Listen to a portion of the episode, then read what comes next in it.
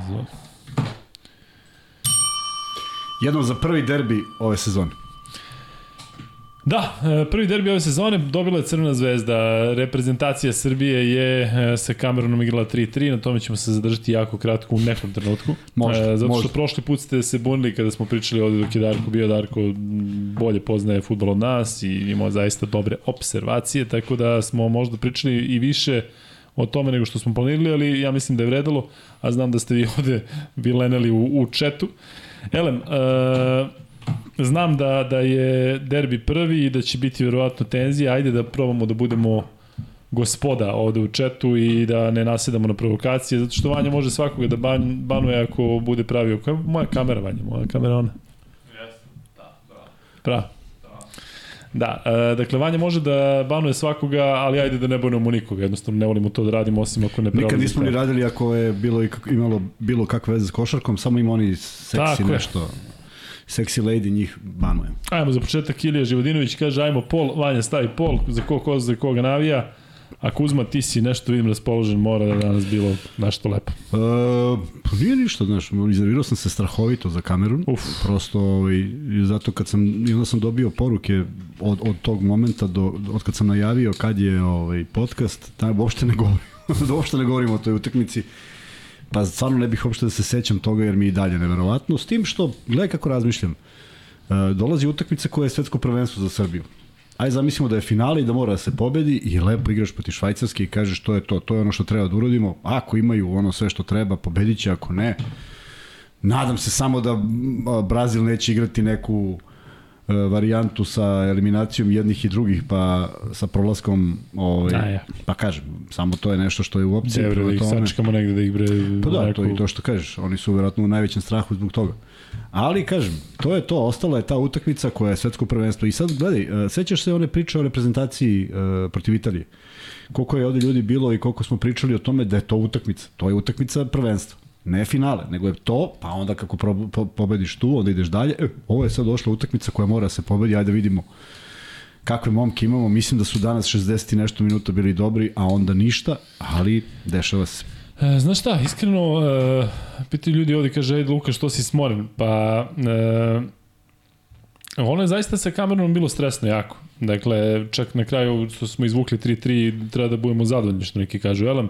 E, malo i na drugu stranu, naravno ovo drugo polovreme Partizana, ne može niko bude zadovoljan, ovaj, niko je zbog utakmice, a naravno i onaj ko ne navija za Partizan. Međutim, e, cijelo ovo leto prethodno i sad je bilo jako mučno što se tiče tih nekih dešavanja reprezentacije. Sećaš se šta smo očekivali od e, košarkaške reprezentacije, pa šta smo očekivali Da, od odbojkaške da. reprezentacije, pa šta smo očekivali.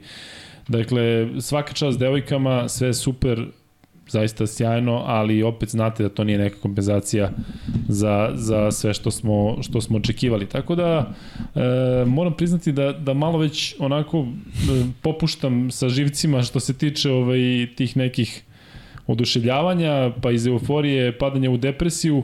I sad dolazimo u tu situaciju da protiv Švajcarske moramo da dobijemo. I to je što kaže Kuzma na svetskom utakmica finala svetskog prvenstva za naše. To smo u neku ruku i čekali, zato što ja, i u nekoj drugoj varijanti e, zbog onoga što se dešavalo sa švajcarcima ranije, mi ne bismo tu sad išli kao treba nam bod. Mi ne Nego znamo, ja mislim da i ne znamo da igramo, Tako ne je, znam kad smo odigrali ekipa, na da. bod. Tako da ako smo već igrali napadački e, sve vreme kvalifikacija, da to bude i sada. Da li su švajcarci, nemci argentinci, kogod, ta utakmica mora se odigra na najvišem mogućem nivou. Ako smo kadri to da uradimo, pobedit ćemo, ako nismo, pakujemo se i... Jer vidi, ono od reči, mi ćemo ovako, onako, mnogo smo pričali ovde u podcastu, znaš, ne volim, ne volim, nikad nisam voleo igrače, e, mi na rečima, mi smo ovako, izađeš tamo i gineš 40 minuta u košaci ili 90 na futbolu i pokažeš to sve što si ispričao, pokažeš ili ne pokažeš. Tako da nama je ovde sad najveći problem što smo mi sa ogromnom euforijom otišli tamo. Mislim da su sa podjednakom euforijom otišli apsolutno svi, ali negde znamo gde nam je mesto. I... Pa ne znam da li znamo, zato što recimo ja sam pričao sa drugarem, druga, drugar koji je stranac i koji nema, dobro prati futbol i sve, ali on je meni rekao onako najiskreniji, kaže, znaš šta, Brazil, Švajcarska, pa onda vi i Kamerun. Mrtav ozbiljno, ja se, se gledam, čekaj bre, kako, pa mi ovo ono. Pa to- Kaže, ne, znaš, da li mi stvarno očekujemo previše? Mi očekujemo, mi uvek očekujemo previše. Ali nekako je ovoga puta del, delovalo sa pravom. I recimo, pre neki dan, pošto moja čerka voli da gleda himne Srbije, pa onda Bože pravde puštamo u svim varijantama i onda ona peva, zna tri reči, ali to zna odlično da otpeva, to je jednostavno je super i mi pustimo 2010. kada smo igrali svetsko prvenstvo, to je bila fantastična ekipa. Kad ide ovako, znači kamera sa jednog na drugu, to su bili igrači koji su bili među najboljim u Evropi, igrali u najboljim timovima u Evropi, a sad se stvarno nešto kao, pa sad imamo tim koji ne znam šta. Pa nisam siguran kada pogledamo gde igraju svi igrači, svaka čast.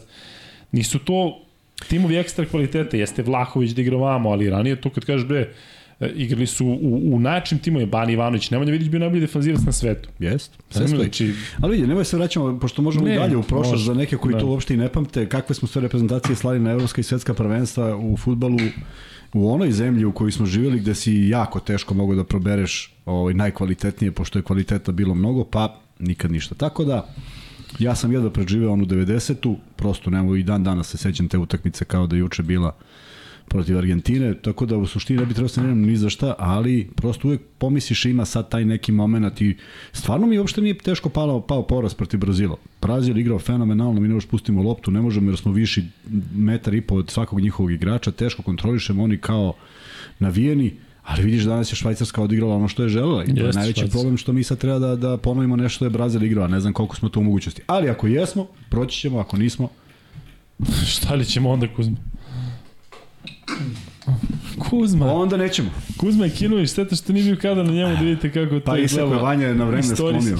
Vanja na vreme sklonio. Da.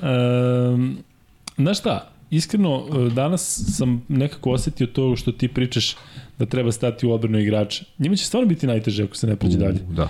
Dakle, zato što će njihove karijere obeležiti ovo. Tako dakle, mi volimo je. sve njih, a i neće nadoknaditi golovi Mitrovića za fulom i sve. Dakle, oni će ostati upamćeni po uspehu, daj Bože, ili eventualno po nekom neuspehu, a drugi put od švajcarske boleće puno. I čak i taj Pixi, ja ne vjerujem da sada za 10 godina da će neko da kaže, e, Pixi, se sećaš kad si dao gol iz kornera Partizanu, ili kako si u Marseju na Goji, znaš, nego nekako je ne, ovo... Ne, ali reći će kako si Zubizaretu poslao, to će reći, to će svi reći i meni je mnogo krivo Hoće. što je taj Pixi ostao ali jedan od najne... Ali neće koji, koji, koji imaju sad 17 godina. Pa znam, opet ne učimo ih mi i tome, razumeš?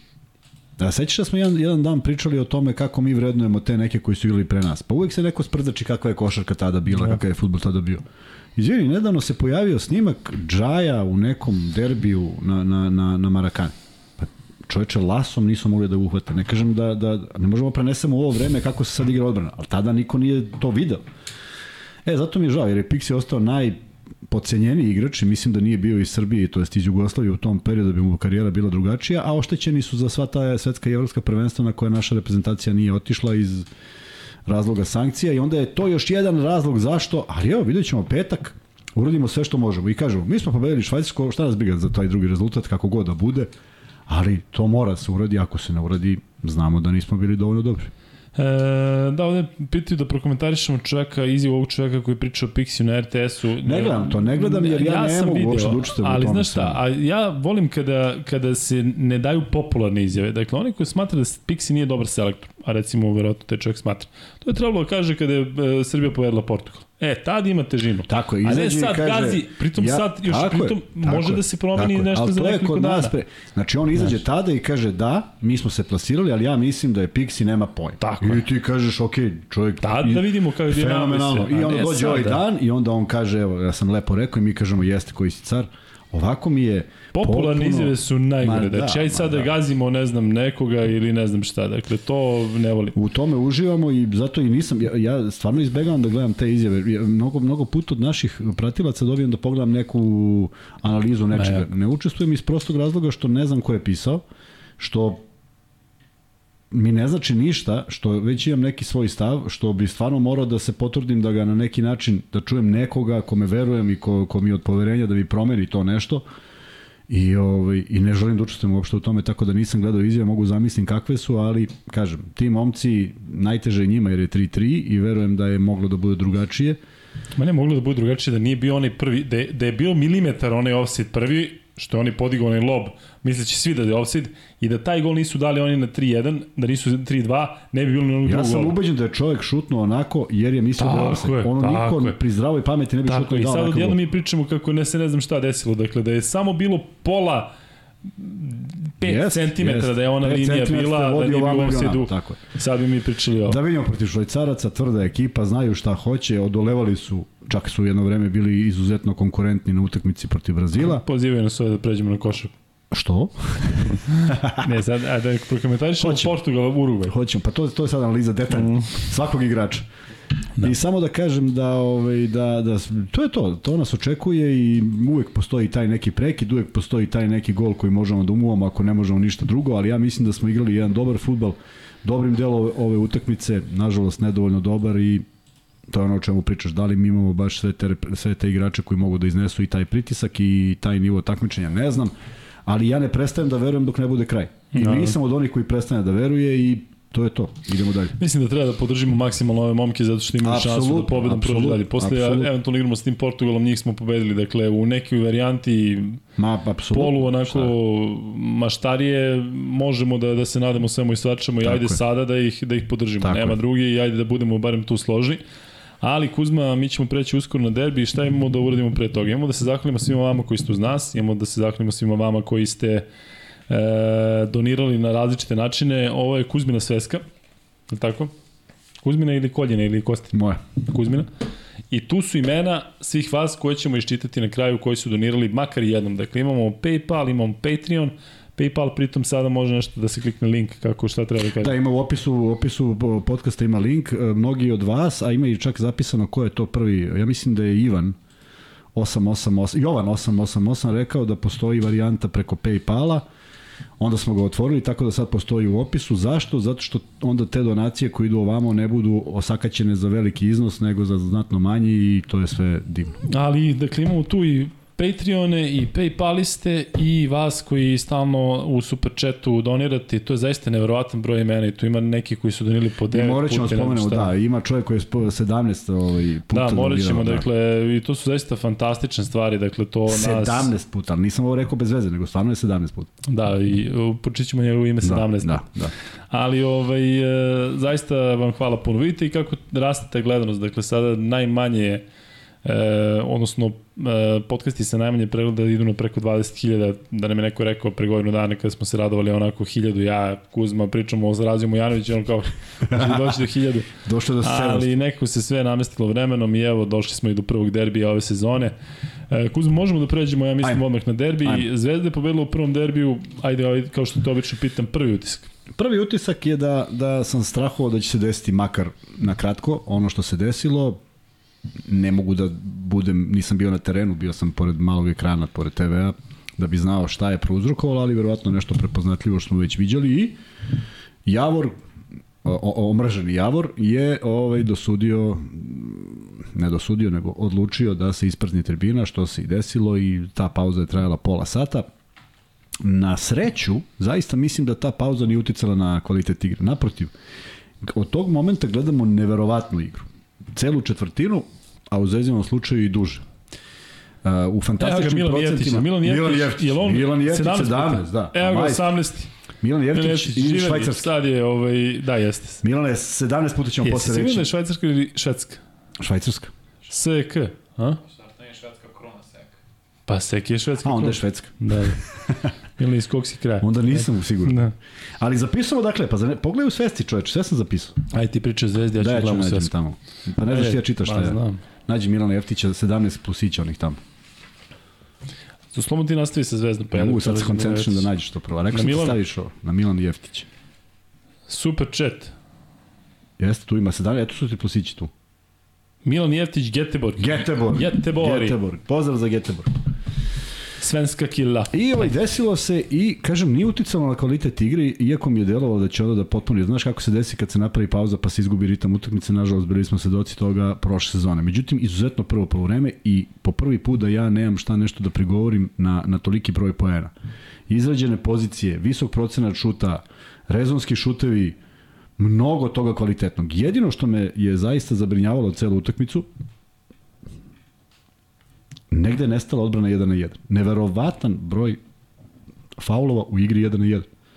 Na bilo kojoj strani, potpuno mi je sve jedno ko je gde napadao, jednostavno nemoguće je da ti si u svakom duelu u kontaktu, u kontaktu rukom. I uh, Mislio sam da će ovo biti mnogo neizvesnija utakmica, jer je i cela treća četvrtina i onaj o, minus Partizana koji je nadoknađen, tako nagoveštavao, ali bojim se da je u ovoj utakmici zaista presudila dužina klupe. Uh, videli smo Ismailagića koji je morao da uđe do odmora i videli smo Lesora koji je iz, izgubio onu svoju energiju. Ovde smo videli Holanda kojeg smo ja i ti toliko ocrnili ovde da je odigrao najbolju partiju. Pa zbog toga. Pa verovatno mu je neko rekao. Ne, nemoj na dvojica više te vređi.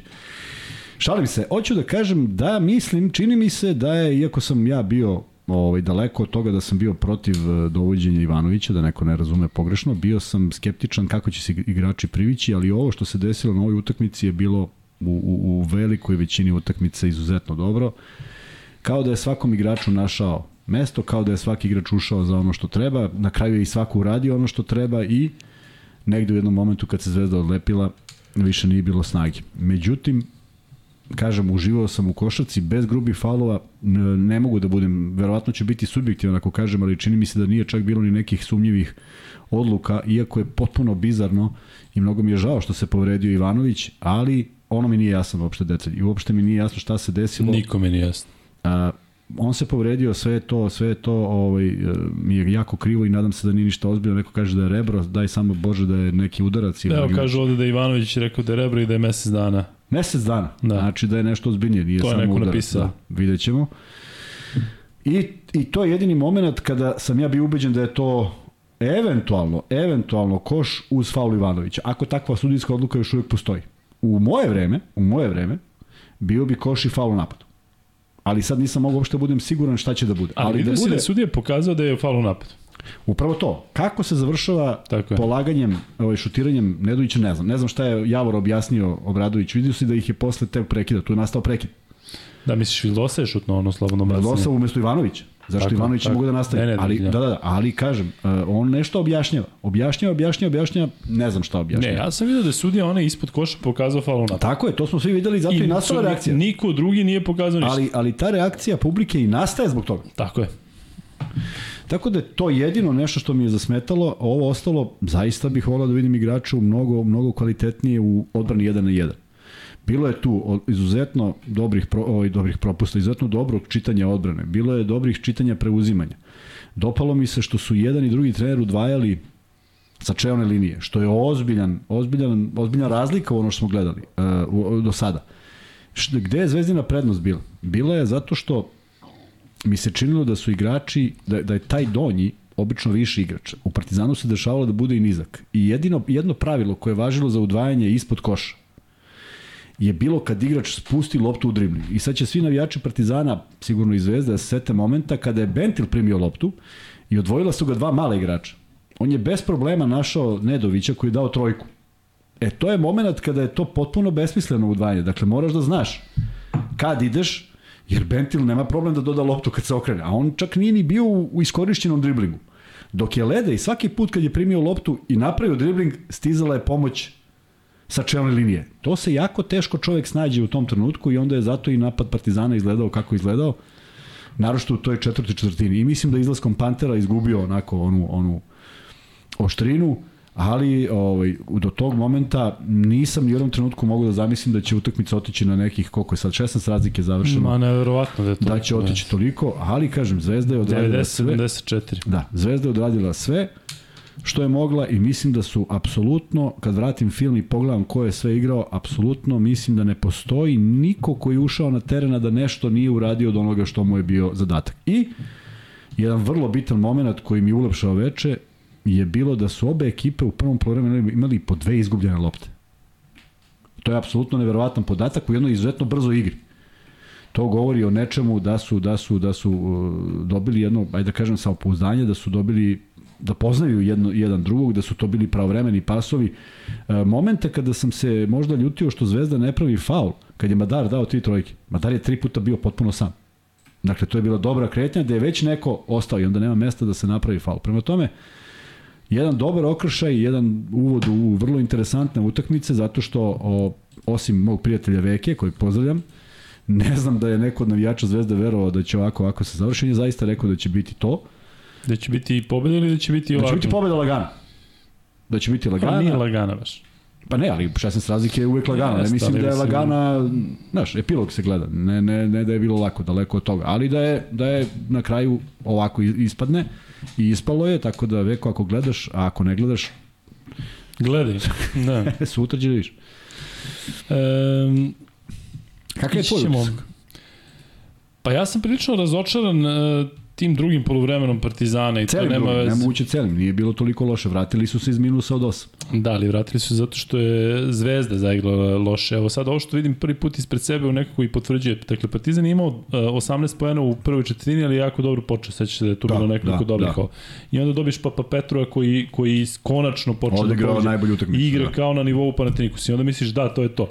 30 poena u, u drugoj e, četvrtini, e, tre, u trećoj 17 i u poslednjoj 9. I to je sad već nešto što postaje česta Jeste. pojava da Partizan ima te loše Da, da, četvrtine.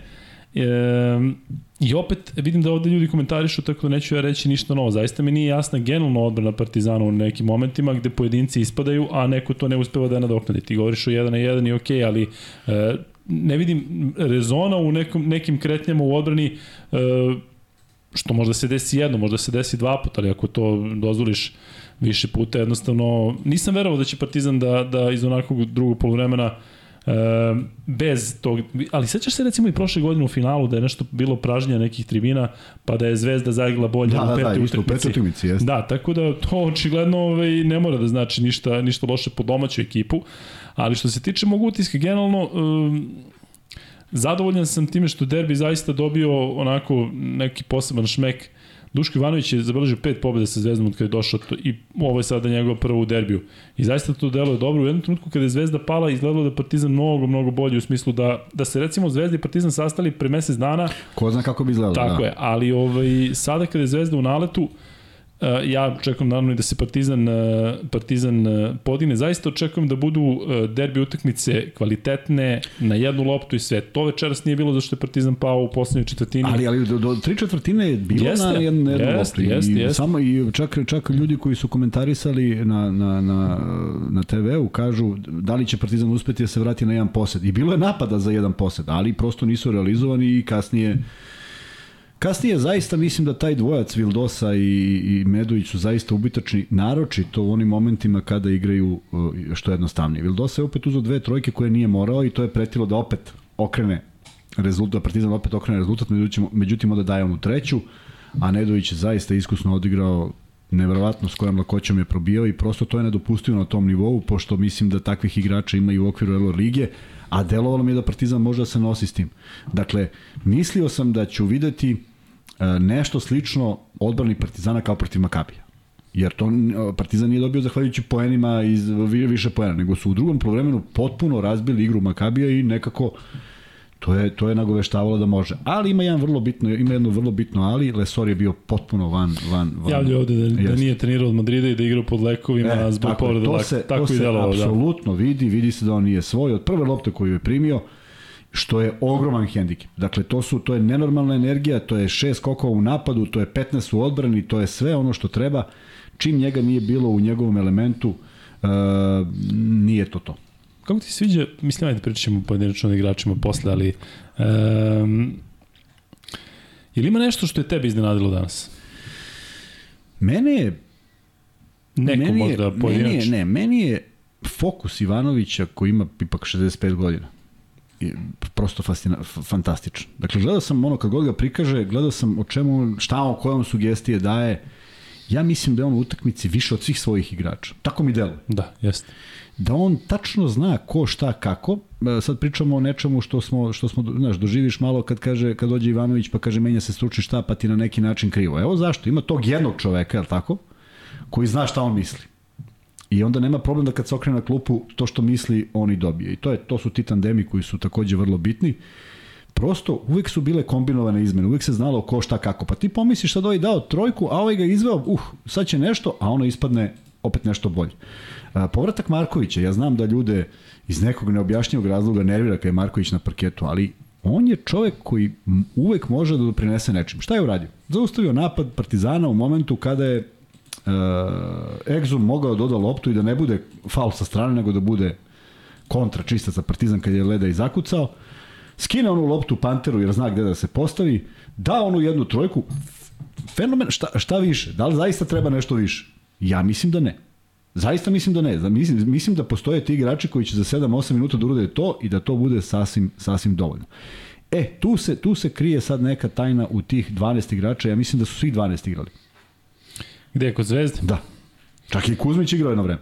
Um, sad ćemo vidjeti. Na 100% svih 12. Nema, nema, niko nije ostao na klupi. A Partizan u ovom trenutku ne raspolaže Jeste, toliko. Kuzmić je 1.08. Tako je. Ne raz... Čak, ma, neka je minut, ma neka je skinuo jednu loptu i neka je jednu, jednu, jedno mahnu ispred čoveka koji promaši ulaz, to je već nešto. Tako da, Zvezda je jako opasna sa tim tandemom Vildosa Nedović. Iako su njih dvojice danas, obojica šutili trojke 2 od 7. da, da. Ali jednostavno energije koju imaju i Tako kada si je, ti me pitao šta vidim i ovdje kada pitaju, ne znam gde je Partizan, gde je Partizan nestala ta energija. I to sam danas video u, sa reprezentacijom Srbije protiv Kameruna. Šta se desi? Šta se desilo, Oni da. koji su igrali, bavili se sportom, znaju da su u nekom trenutku desi jednostavno nešto da se padne, ali opet se valjda i podigneš ili bar imaš nekoga Žao mi što Partizan nema nekog lidera koji će u tom trenutku ne da izazove incident, ali jednostavno da nečim podigne ekipu.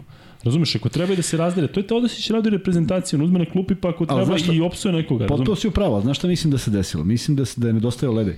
Jer ovo mu je bila jedna od najloših utakmica ovoj sezoni. A on je taj koji nekim potezom može, može da preokrene. Međutim, Ledej pored sebe u odbrani, on jedan, pošto Lesora nije bilo, Brodzinski nije taj tip Nije, da. igrača, kad je Ledej dole, on će imati ili Mitrovića, redko Kuzmića, ili Martina, pa možda i Bentila. Dakle, mnogo je naporno.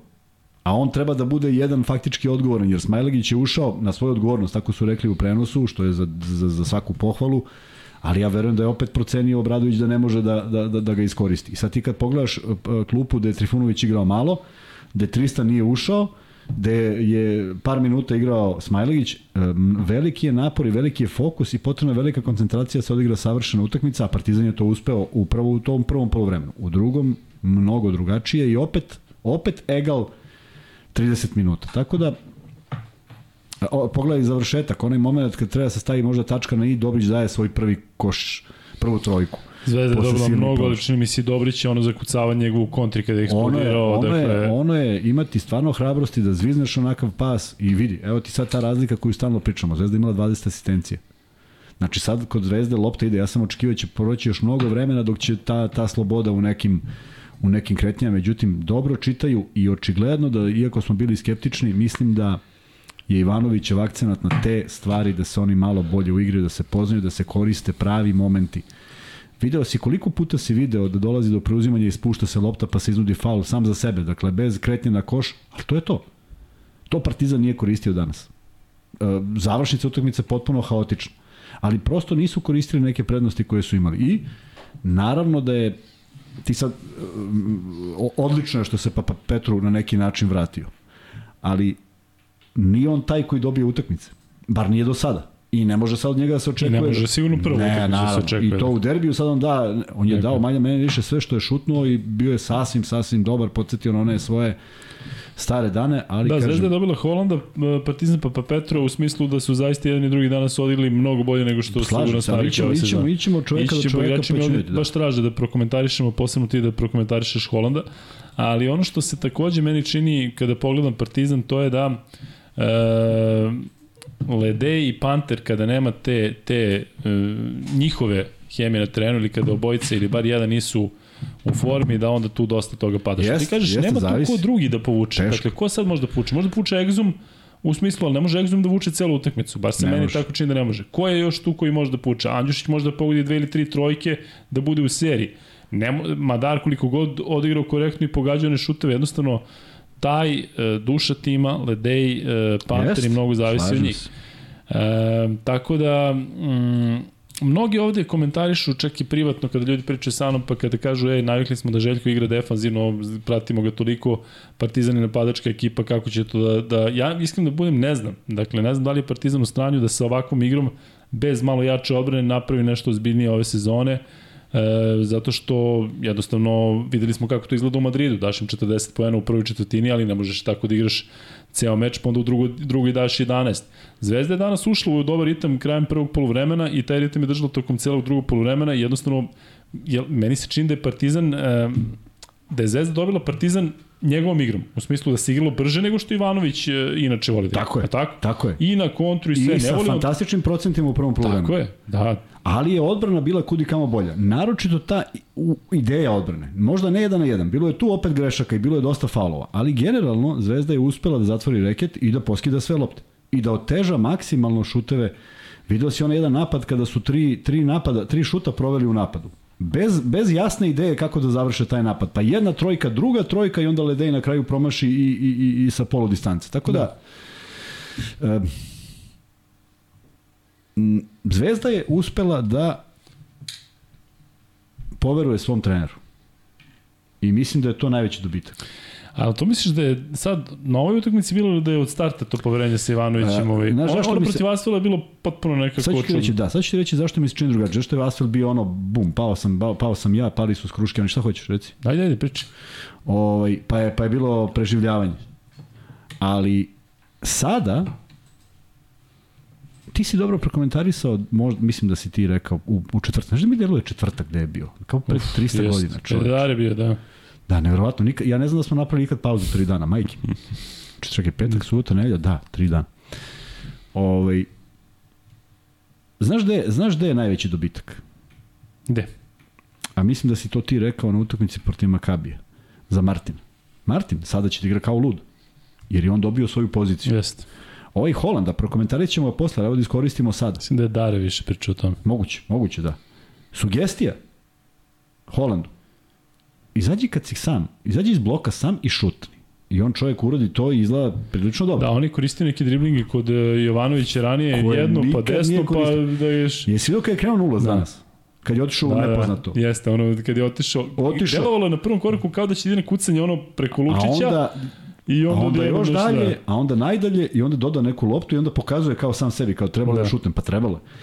Uh, u odbrani odličan, sa sve faulima koje je napravio, koliko god glupo zvučalo, taj faul koji on napravi ispod koša na nekom uzimanju lopte je bio dobar jer je zaustavljao kontru, ali ona lopta koja je bila vrlo bitna, ja mislim da je naneli u pitanju, je tako? Kada mu izbija loptu Jeste. i hvata iz auta ili, ili Papa Petru, ne znam, i hvata i daje. Dakle, on je odradio maksimalno dobar posao danas. Iako ja ne mislim da on sad trenutno bolji igrač nego što je bio prekjuče.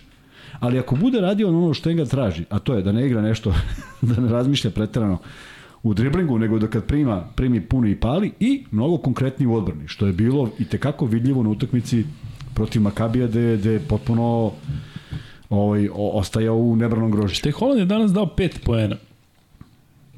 Da, A delo je kao da je mnogo više Da, ali pazi sad, pazi sad, pet. Uh, Lazić, sećamo se četiri. Dva puta iz Ćoška. Ili možda čak i ukupno pet, ne znam da li je priznato kao trojka. Pa onda Marković tri, je li tako? Pa ovaj dva, pa ovaj pet, pa ovaj sedam, pa ovaj... I ti skupiš 35-40 pojena na, na 2-3. E, zna se gde ide lopta, zna ko odlučuje. Mitrović danas odličan, Petrušev odličan, Bentil solidan u smislu bez mnogo potrošnje, bez mnogo lopti, ali video si koliko se igra na njega. Video si otvaranje utakmice. Pap njemu, pap Martin kad uđe, pap ponovo njemu, pap, to mora bude ideja. Da vide, jer, jer tu je Partizan tanji od Zvezde. Nema, nema s čime da odgovori u, u tom segmentu. I to su to je Ivanović iskoristio i što je najvažnije, nije važno da je on to koristio, on je to rekao.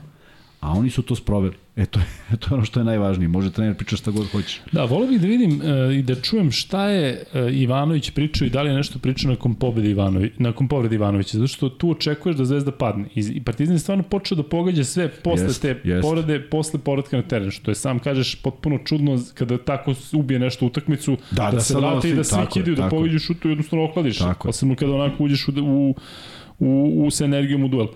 Uh, ta povreda Ivanovića nikako nije poremetila zvezdu. I to je meni nešto što je prosto neverovatno, zato što Ivanović, pri- pritom kad ti se neko povredi ozbiljno, ti si vidio da je on nešto se držao iza ledeja, da jednostavno to nije baš bilo fizički lepo, ne znam šta se dešava, Da, da, izašao je, izgledalo ostao je je bez jezivo. Ja sam, ja sam shvatio da je on ostao bez vazduha.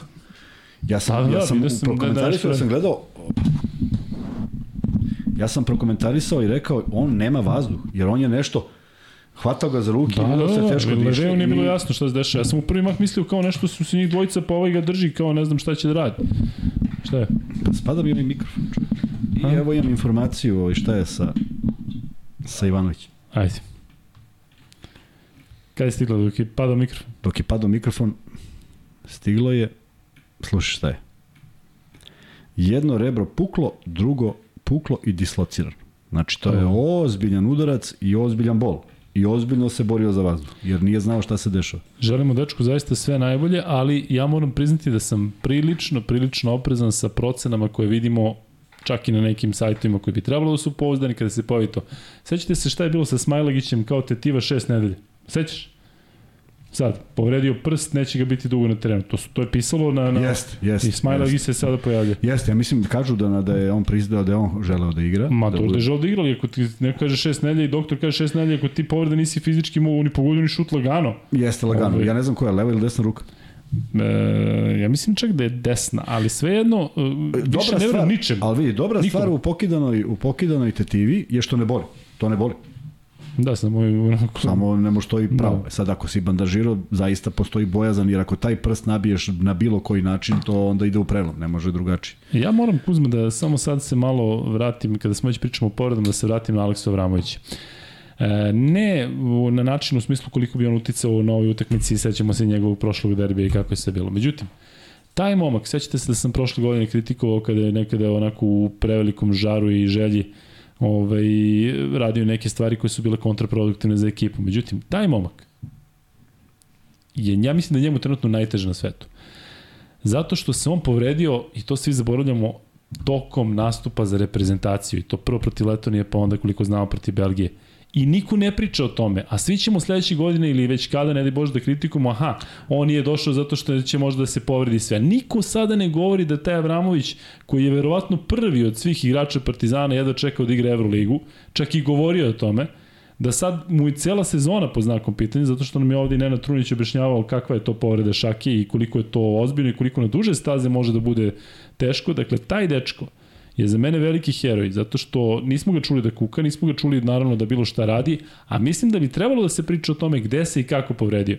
I ako plaćamo recimo neka, neka um, e, osiguranja Amerikancima i NBA-u, da kada se njihovi kada se povrede naši igrači koji su njihovi, njihovi se nastupili za njihove klubove, ja sam mislim da bi trebalo tom dečku nadoknaditi nekako. Ne znam da li finansijski ili neko, međutim niko ništa ne priča.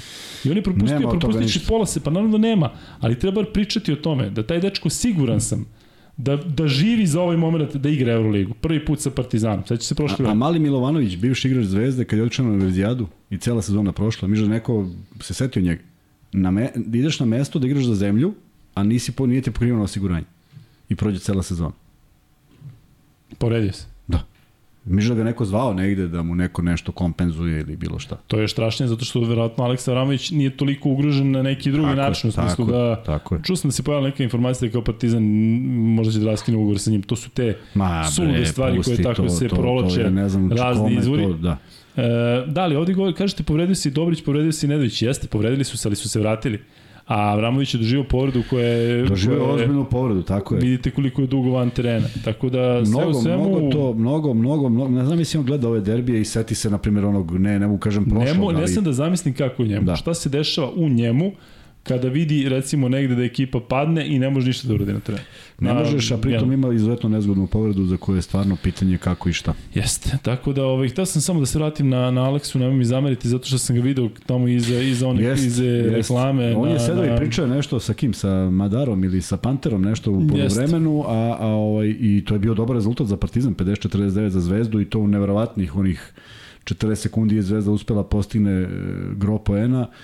Međutim, ništa, kažem, nije nagoveštavalo, ali činjenica je da Uh, eto, nisam znao za Lesora da je pod lekovima, ali on je, on je neka glavna snaga. I kad Ledej, kako si konstatovao, ne odigra na nivou, nema nema ko to da pokrene.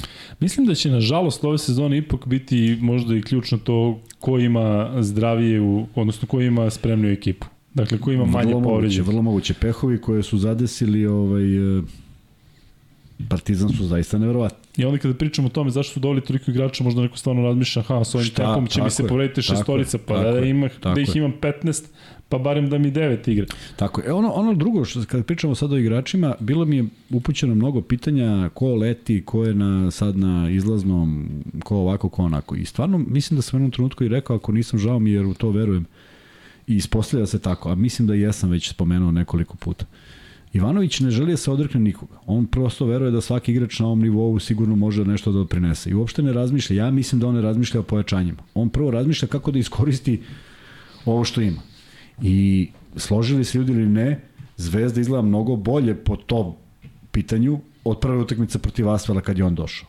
Dakle, deluje da svako radi ono što treba da radi. I to izgleda, ja mislim da to može još bolje. Ali generalno zna se ko šta radi i video si opet u ovom drugom poluvremenu veoma veliki broj faulova koji ne štete ekipi, bez koš važi, a onaj moment kad Partizan očekuje da postigne neki lak koš, ovih pošinjali imaju penala.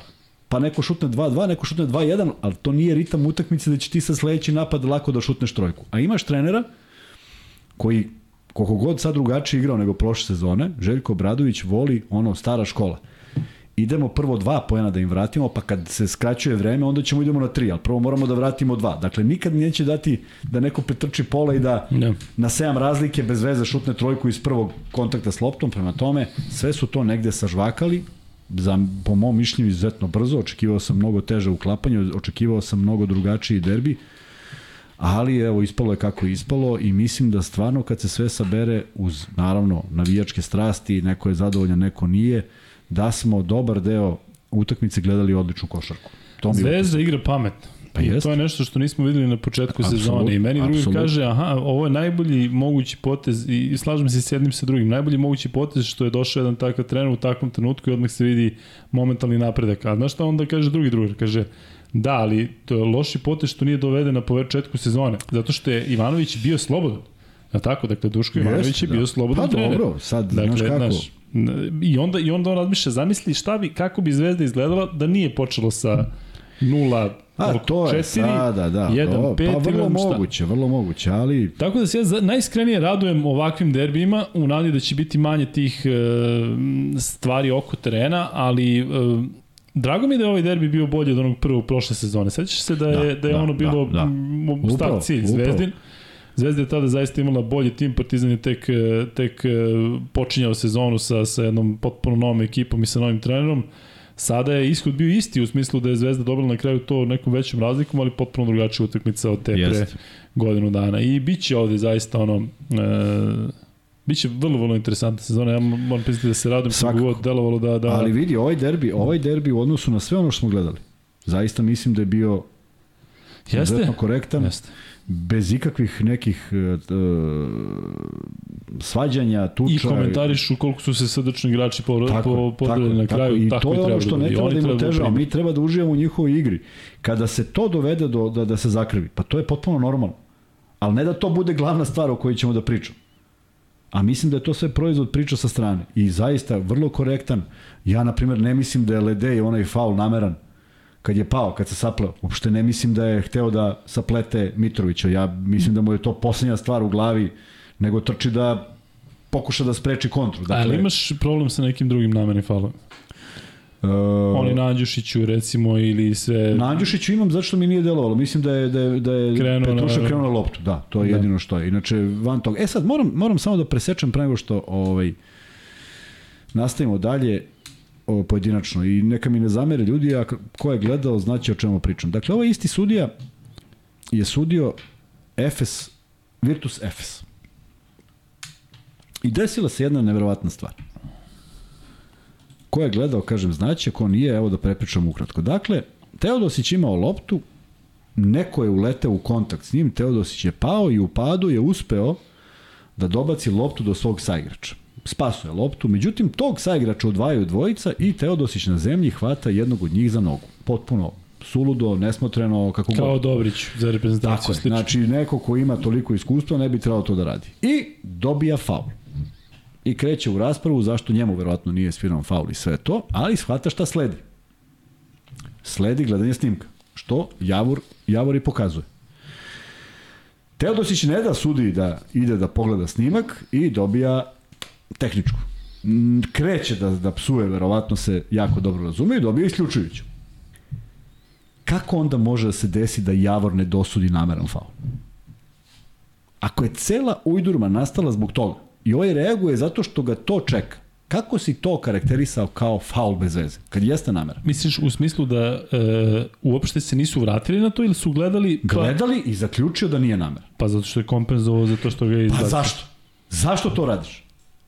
A sad, opet vraćam, zamisli da smo danas gledali utakmicu, da ne postoji nameran faul kao takav, postoji ovo kad Mitrović trči u kontru, pao si mu na nogu i on bi bio okarakterisan kao nesp, ne, ne nesportski, nameran faul, jer je čovjek pao. Ali svaki ostali, svaki, svaki drugi faul ne mora uopšte da bude podveden pod ovo, a svaki se podvodi. Onda se nastavlja ludilo. Znači, ovi su šutnuli 2, 4, 5 bacanja, tako nešto.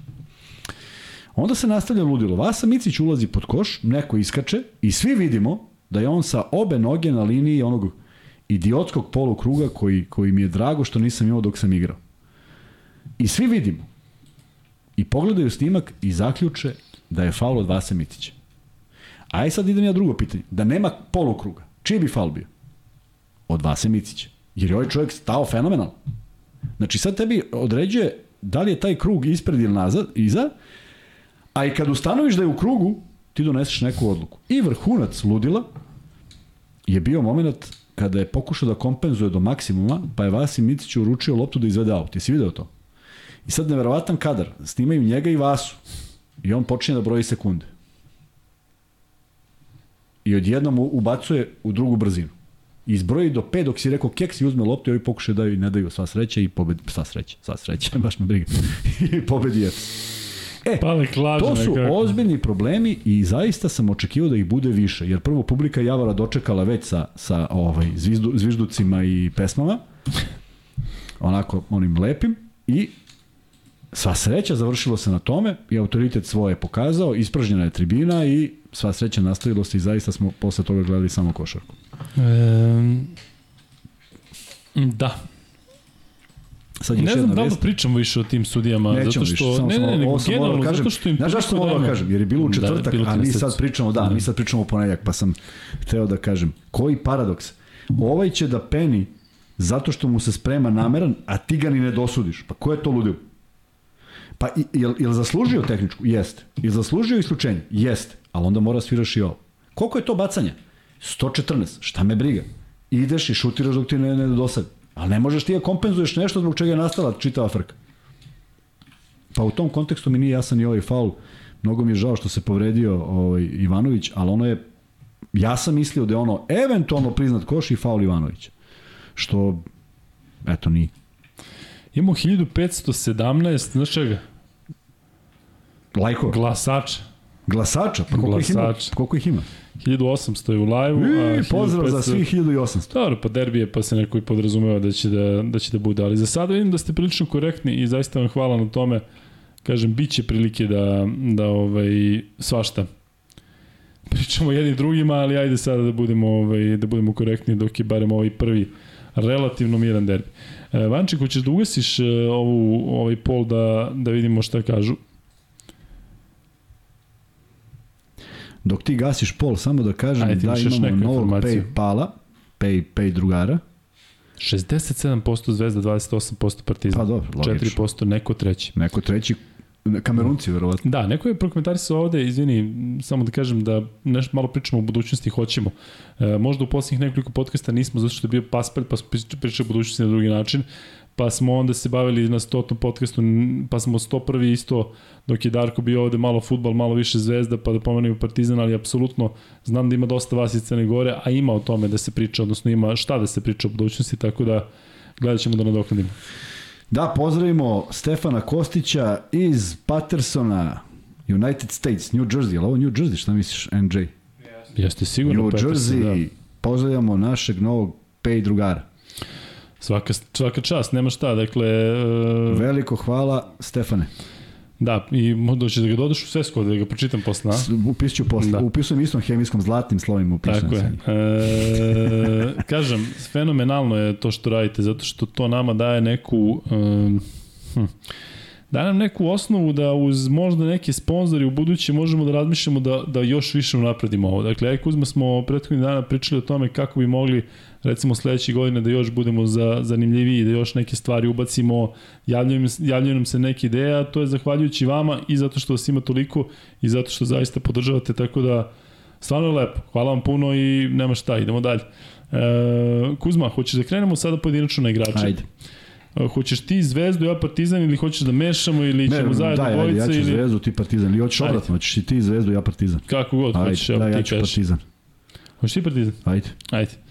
E, Papa Petru, 15 pojena, 5 skokova, 5 od 7 za 2, 1 od 3 za 3, 2 od 4 sa penala. Kako komentariš? E, izvini, molim te, imamo pozdrav iz Mjenopolisa, Nebojša Ćirković koji se slika sa Mile. Nemoj zezati. Aha, evo ga. Sada, a? Kaže slika od prošle nedelje, ali hvala na, na, na pozdravu. Vrhunski. Šta si rekao, Papa Petru? Tako Smo je. njega počeli. Jesmo. Odličan je bio danas, zaista, u oba smera. Nevjerojatno kako odjednom je samo, Odjednom, znači, da. nije, znaš, nije Pa bilo kako, potrebno utakmicu nekoga u, A- da. u ABA ligi protiv nekog slabijeg protivnika, nego on je najbolje odigrao protiv inspiracija, Zvezde. inspiracija, derbi, Da. da. čudo, ovaj, bio je vrlo, vrlo ovaj, konkretan, ne, ne na samom otvaranju, dao je onu trojku, onda je bio, ne imao neke čudne odluke, ali i to je prevazišao od tog momenta, ja mislim da je sve pogodio, osim onog jednog jako teškog šuta iz pada, što je šutnuo, ali baš toliko od lopta da ode Jeste, daleko je je bilo... nešto vreme. Da, bilo je krajnje neobično, Da. da. nije bio svestan. U svakom slučaju, ako treba se priča o napadačkom učinku Papa Petrova, najbolji do sada, međutim, tu isto mogu da se nađu neke zamerke, jer, jer ispadao iz odbrane, ali kažem, teško je sad gledati ko u Partizanu baš je odigrao jednu izuzetno dobru defanzivnu utakmicu. I zaista mislim da, da kad gledam Partizan i kad sam, kad sam gledao protiv Reala, zaista impozantno deluje kad se zalete i daju 40 pojena. Ja ne verujem da ikad postignuto. Kažu da je možda neko dao 41. Mislim da je ono, ako nije rekord, onda je drugi rezultat najbolji. Ali prosto nekako ja sam čovek koji više voli da igra za, za, za da primimo koš manje. Jer ovo ne traje. I evo, kad, kad nema Pantera, to nije isto. Kad nema i Ledeja, to zaista nije isto koliko god Papa Petru dao poena. Ali to nisu, da se razumemo, to nisu bili lagani poeni kak je Ledej zna da daje. Da izmisli. Ovo su bili dosta pristojno teški šutevi koje on zaista sve sproveo i Da, svaka to su čast. njegovi šuti iz Panatenikosa. To Jesu, je ono što ali- on igra. ali- On mene podsjetio sada u onom periodu je, tako je, I naš- nažalost jeste. podsjetio me zato što je Panatenikos tad gubio. Kad on je igrao dobro, nešto tu, kažem, na duže staze možda ovaj treba, treba vratiti pažnju, ali e, Papa Petru se izdvoji e, uglavnom u porazima svoje ekipe po dobroj igri. E, elem, što se tiče Zvezde, Vildosa, 19 pojena, 2 skoka, 5 asistencija. Moram da povežem ovde Vildosu i Nedovića. Dakle, prosto je fascinantno kako izgledaju njihove statistike. Pazite ovo, Vildosa 19 pojena, Nedović 17 pojena. Vildosa 2 skoka, Nedović 3 skoka. 5 asistencija Vildosa, 5 asistencija Nedović. Pa i sad ovo Kuzma. Vildosa Jel za ima 2. još šokantnih? Jel ima još šokantnih? Neverovatno. Vildosa 4 od 6, Nedović 3 od 5. Isto, dobro. Dva prome. Dobro. Trojka 2 od 7, obojica. Sa penala 5 od 5, uh, Vildosa koliko Nedović? Isto. 5 od 5. Pa idi čoveče. Oni ne da se dopunjuju dobro i, i uh, drago mi je što, što su se navikli um, jedan na drugog pre svega, ali i na celu priču. Vildosa radi, ranije radio s Ivanovićem tako da ga je poznavao, ali ja sam mislio da će možda jedan drugu da guše ili da će recimo kao ono što sam pričao, jako nisu konkretno ista pozicija, baš ista pozicija Musa i, i Hezonja. Nisu mi se jednostavno uklapali zajedno. Znao sam da će jedan morati da izvisi. Ovde kod Zvezde se jako dobro dopunjavaju i e, igraju sa odličnom energijom. Vildosa je e, mora da se navikne na ovu ekipu zato što znate Tako kada je. je došao, a Nedović je mora da se navikne zato što izlazi iz povrede. Tako je. I sada kada su obojica u, u dobrom ritmu, to je super. Ali, postoje veliko ali. E, Vildosa igra možda atraktivniju košaku u smislu ti njegovi neki čudni floater i sve. E, mislim da on bi mogao da bude problematičan za zvezdu ako neke stvari nekne da pogađa. Ali Kuzma, Nedović kad krene na prodor, to je poezija. Znači Jest, on kad jest. krene sa onako onaj prvi Tako korak, on kao da ispodira, kao da ga neko gurne na onom na onom prvom koraku i kada završi do kraja, ja stvarno ne znam, ja mislim da si ti to jednom rekao, zašto čovjek to ne radi stalno? Zato što nema razloga da ne radi stalno. Nema razloga. Dakle, on će sigurno da će Tako u nekom trenutku da ga udvi ili će nešto zatvori. Nema problema da on će šute da kada je sam. tako. Ali zašto da šutneš 9 trojki Ako ili možeš, 11 tako je. ili čak 7 ako možeš dođeš do koša svaki put. Pritom on može da zakuca fenomenalno, atraktivno, na neviđen način što podiže publiku. Ja bih volao da imam ovaj, Te sposobnosti, pa da. i, i, mislim da bih ih koristio bolje. U smislu, razumeš, išao bih do koša po svaku Upravo cenu. to. Kad vidim nekoga centra, kreni preko njega pa šta bude, Pa bude. znam, Tako evo, da- evo, ajde, doćemo do Petruša. Pa Izvini, ćemo jako da, mi je drago da pitaju za, za kucavanje Petruševa i za neku njegovu ovaj, što je radio danas, ali Nedović e, čini mi se da se brže adaptirao na sve sami znate koliko ste vi kritikovali i koliko su svi bili skeptični i posle povrede i posle onoga sa, sa reprezentacijom, ja mislim da je Nedović na pravom putu da, da možda on ipak bude lider pre Vildosa. Kako tebi delo?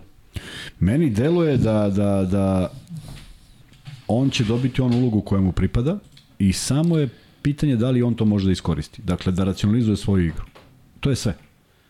Ono što je dobro, što mu je Ivanović pokazao da ako ne bude racionalizovao izleteće koji iz puške kao što je to bilo na jednoj utakmici, doduše jeste bilo u pitanju Cibona, ali video si šut za tri i doviđenja. Ako ja ne grešim, možda i nije bilo Cibona, možda je bilo nešto drugo. Nego zagledao bi se sam gledao na TV-u, a onda obično, ovaj, obično je to onda ABA liga. Tako da jeste, vratio se, vratio se uz veliku podršku, vratio se bojažljivo na onoj utakmici protiv Asfela, ovo je sad već druga priča i kažem, iskreno očekivao sam da će proći još neko vreme pre, pre nego što njih dvojica tako da dopunjuju jedan drugog, a mislim da još ima prostora kako mogu da uživaju zajedno. Iako su na terenu ne toliko mnogo.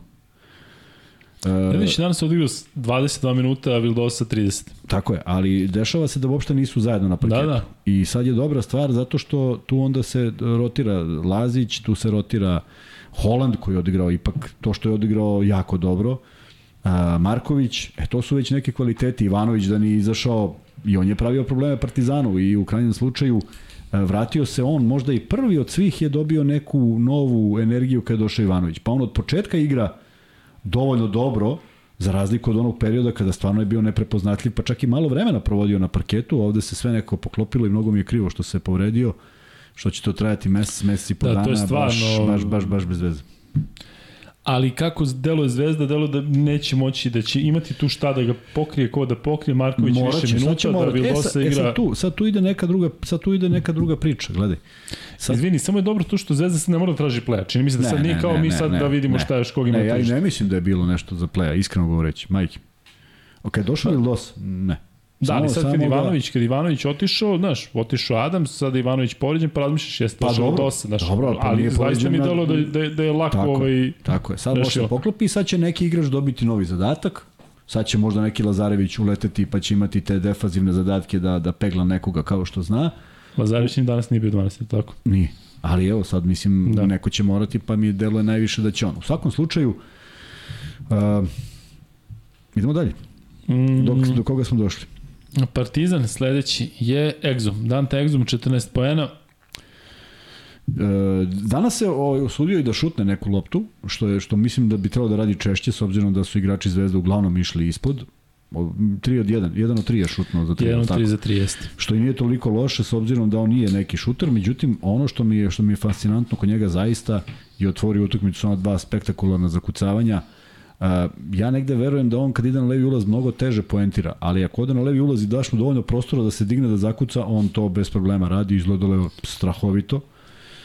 I da, setio sam se još jedne stvari sad kad pričamo o zakucavanju, gde je možda, gde je, mislim da je Obradović reagovao i gde je možda propušteno. Tu su bile neke odluke koje su, koje su bile malo, same po sebi malo uh, čudne.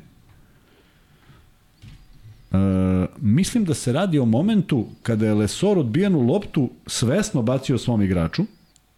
Sećaš momenta? Preko pola. Ali taj je nije ugrabio, pa je lopta šla preko pola Da. I sudija je pokazio da nije bio posed. Naprotiv, Lesor je, nije on bez veze mahnuo, nego je gađao svog igrača. E onda, sećaš se naneli da ide na, na zakucavanje.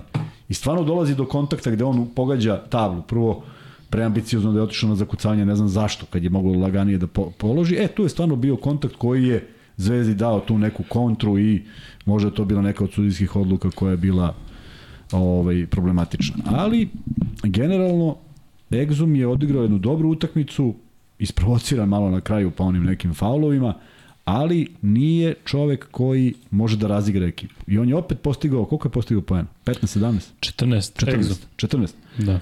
Do, do, dobar broj poena, odradio je mnogo toga, ali kažem, ili ima neku asistenciju? 4 asistencije, ima dobro, najviše u dobro, Partizanu. To je onda dobro. To je onda dobro. E, imaš, meni se dopada Exumova odbrana. Je li tebi to okej? Mora još bolje.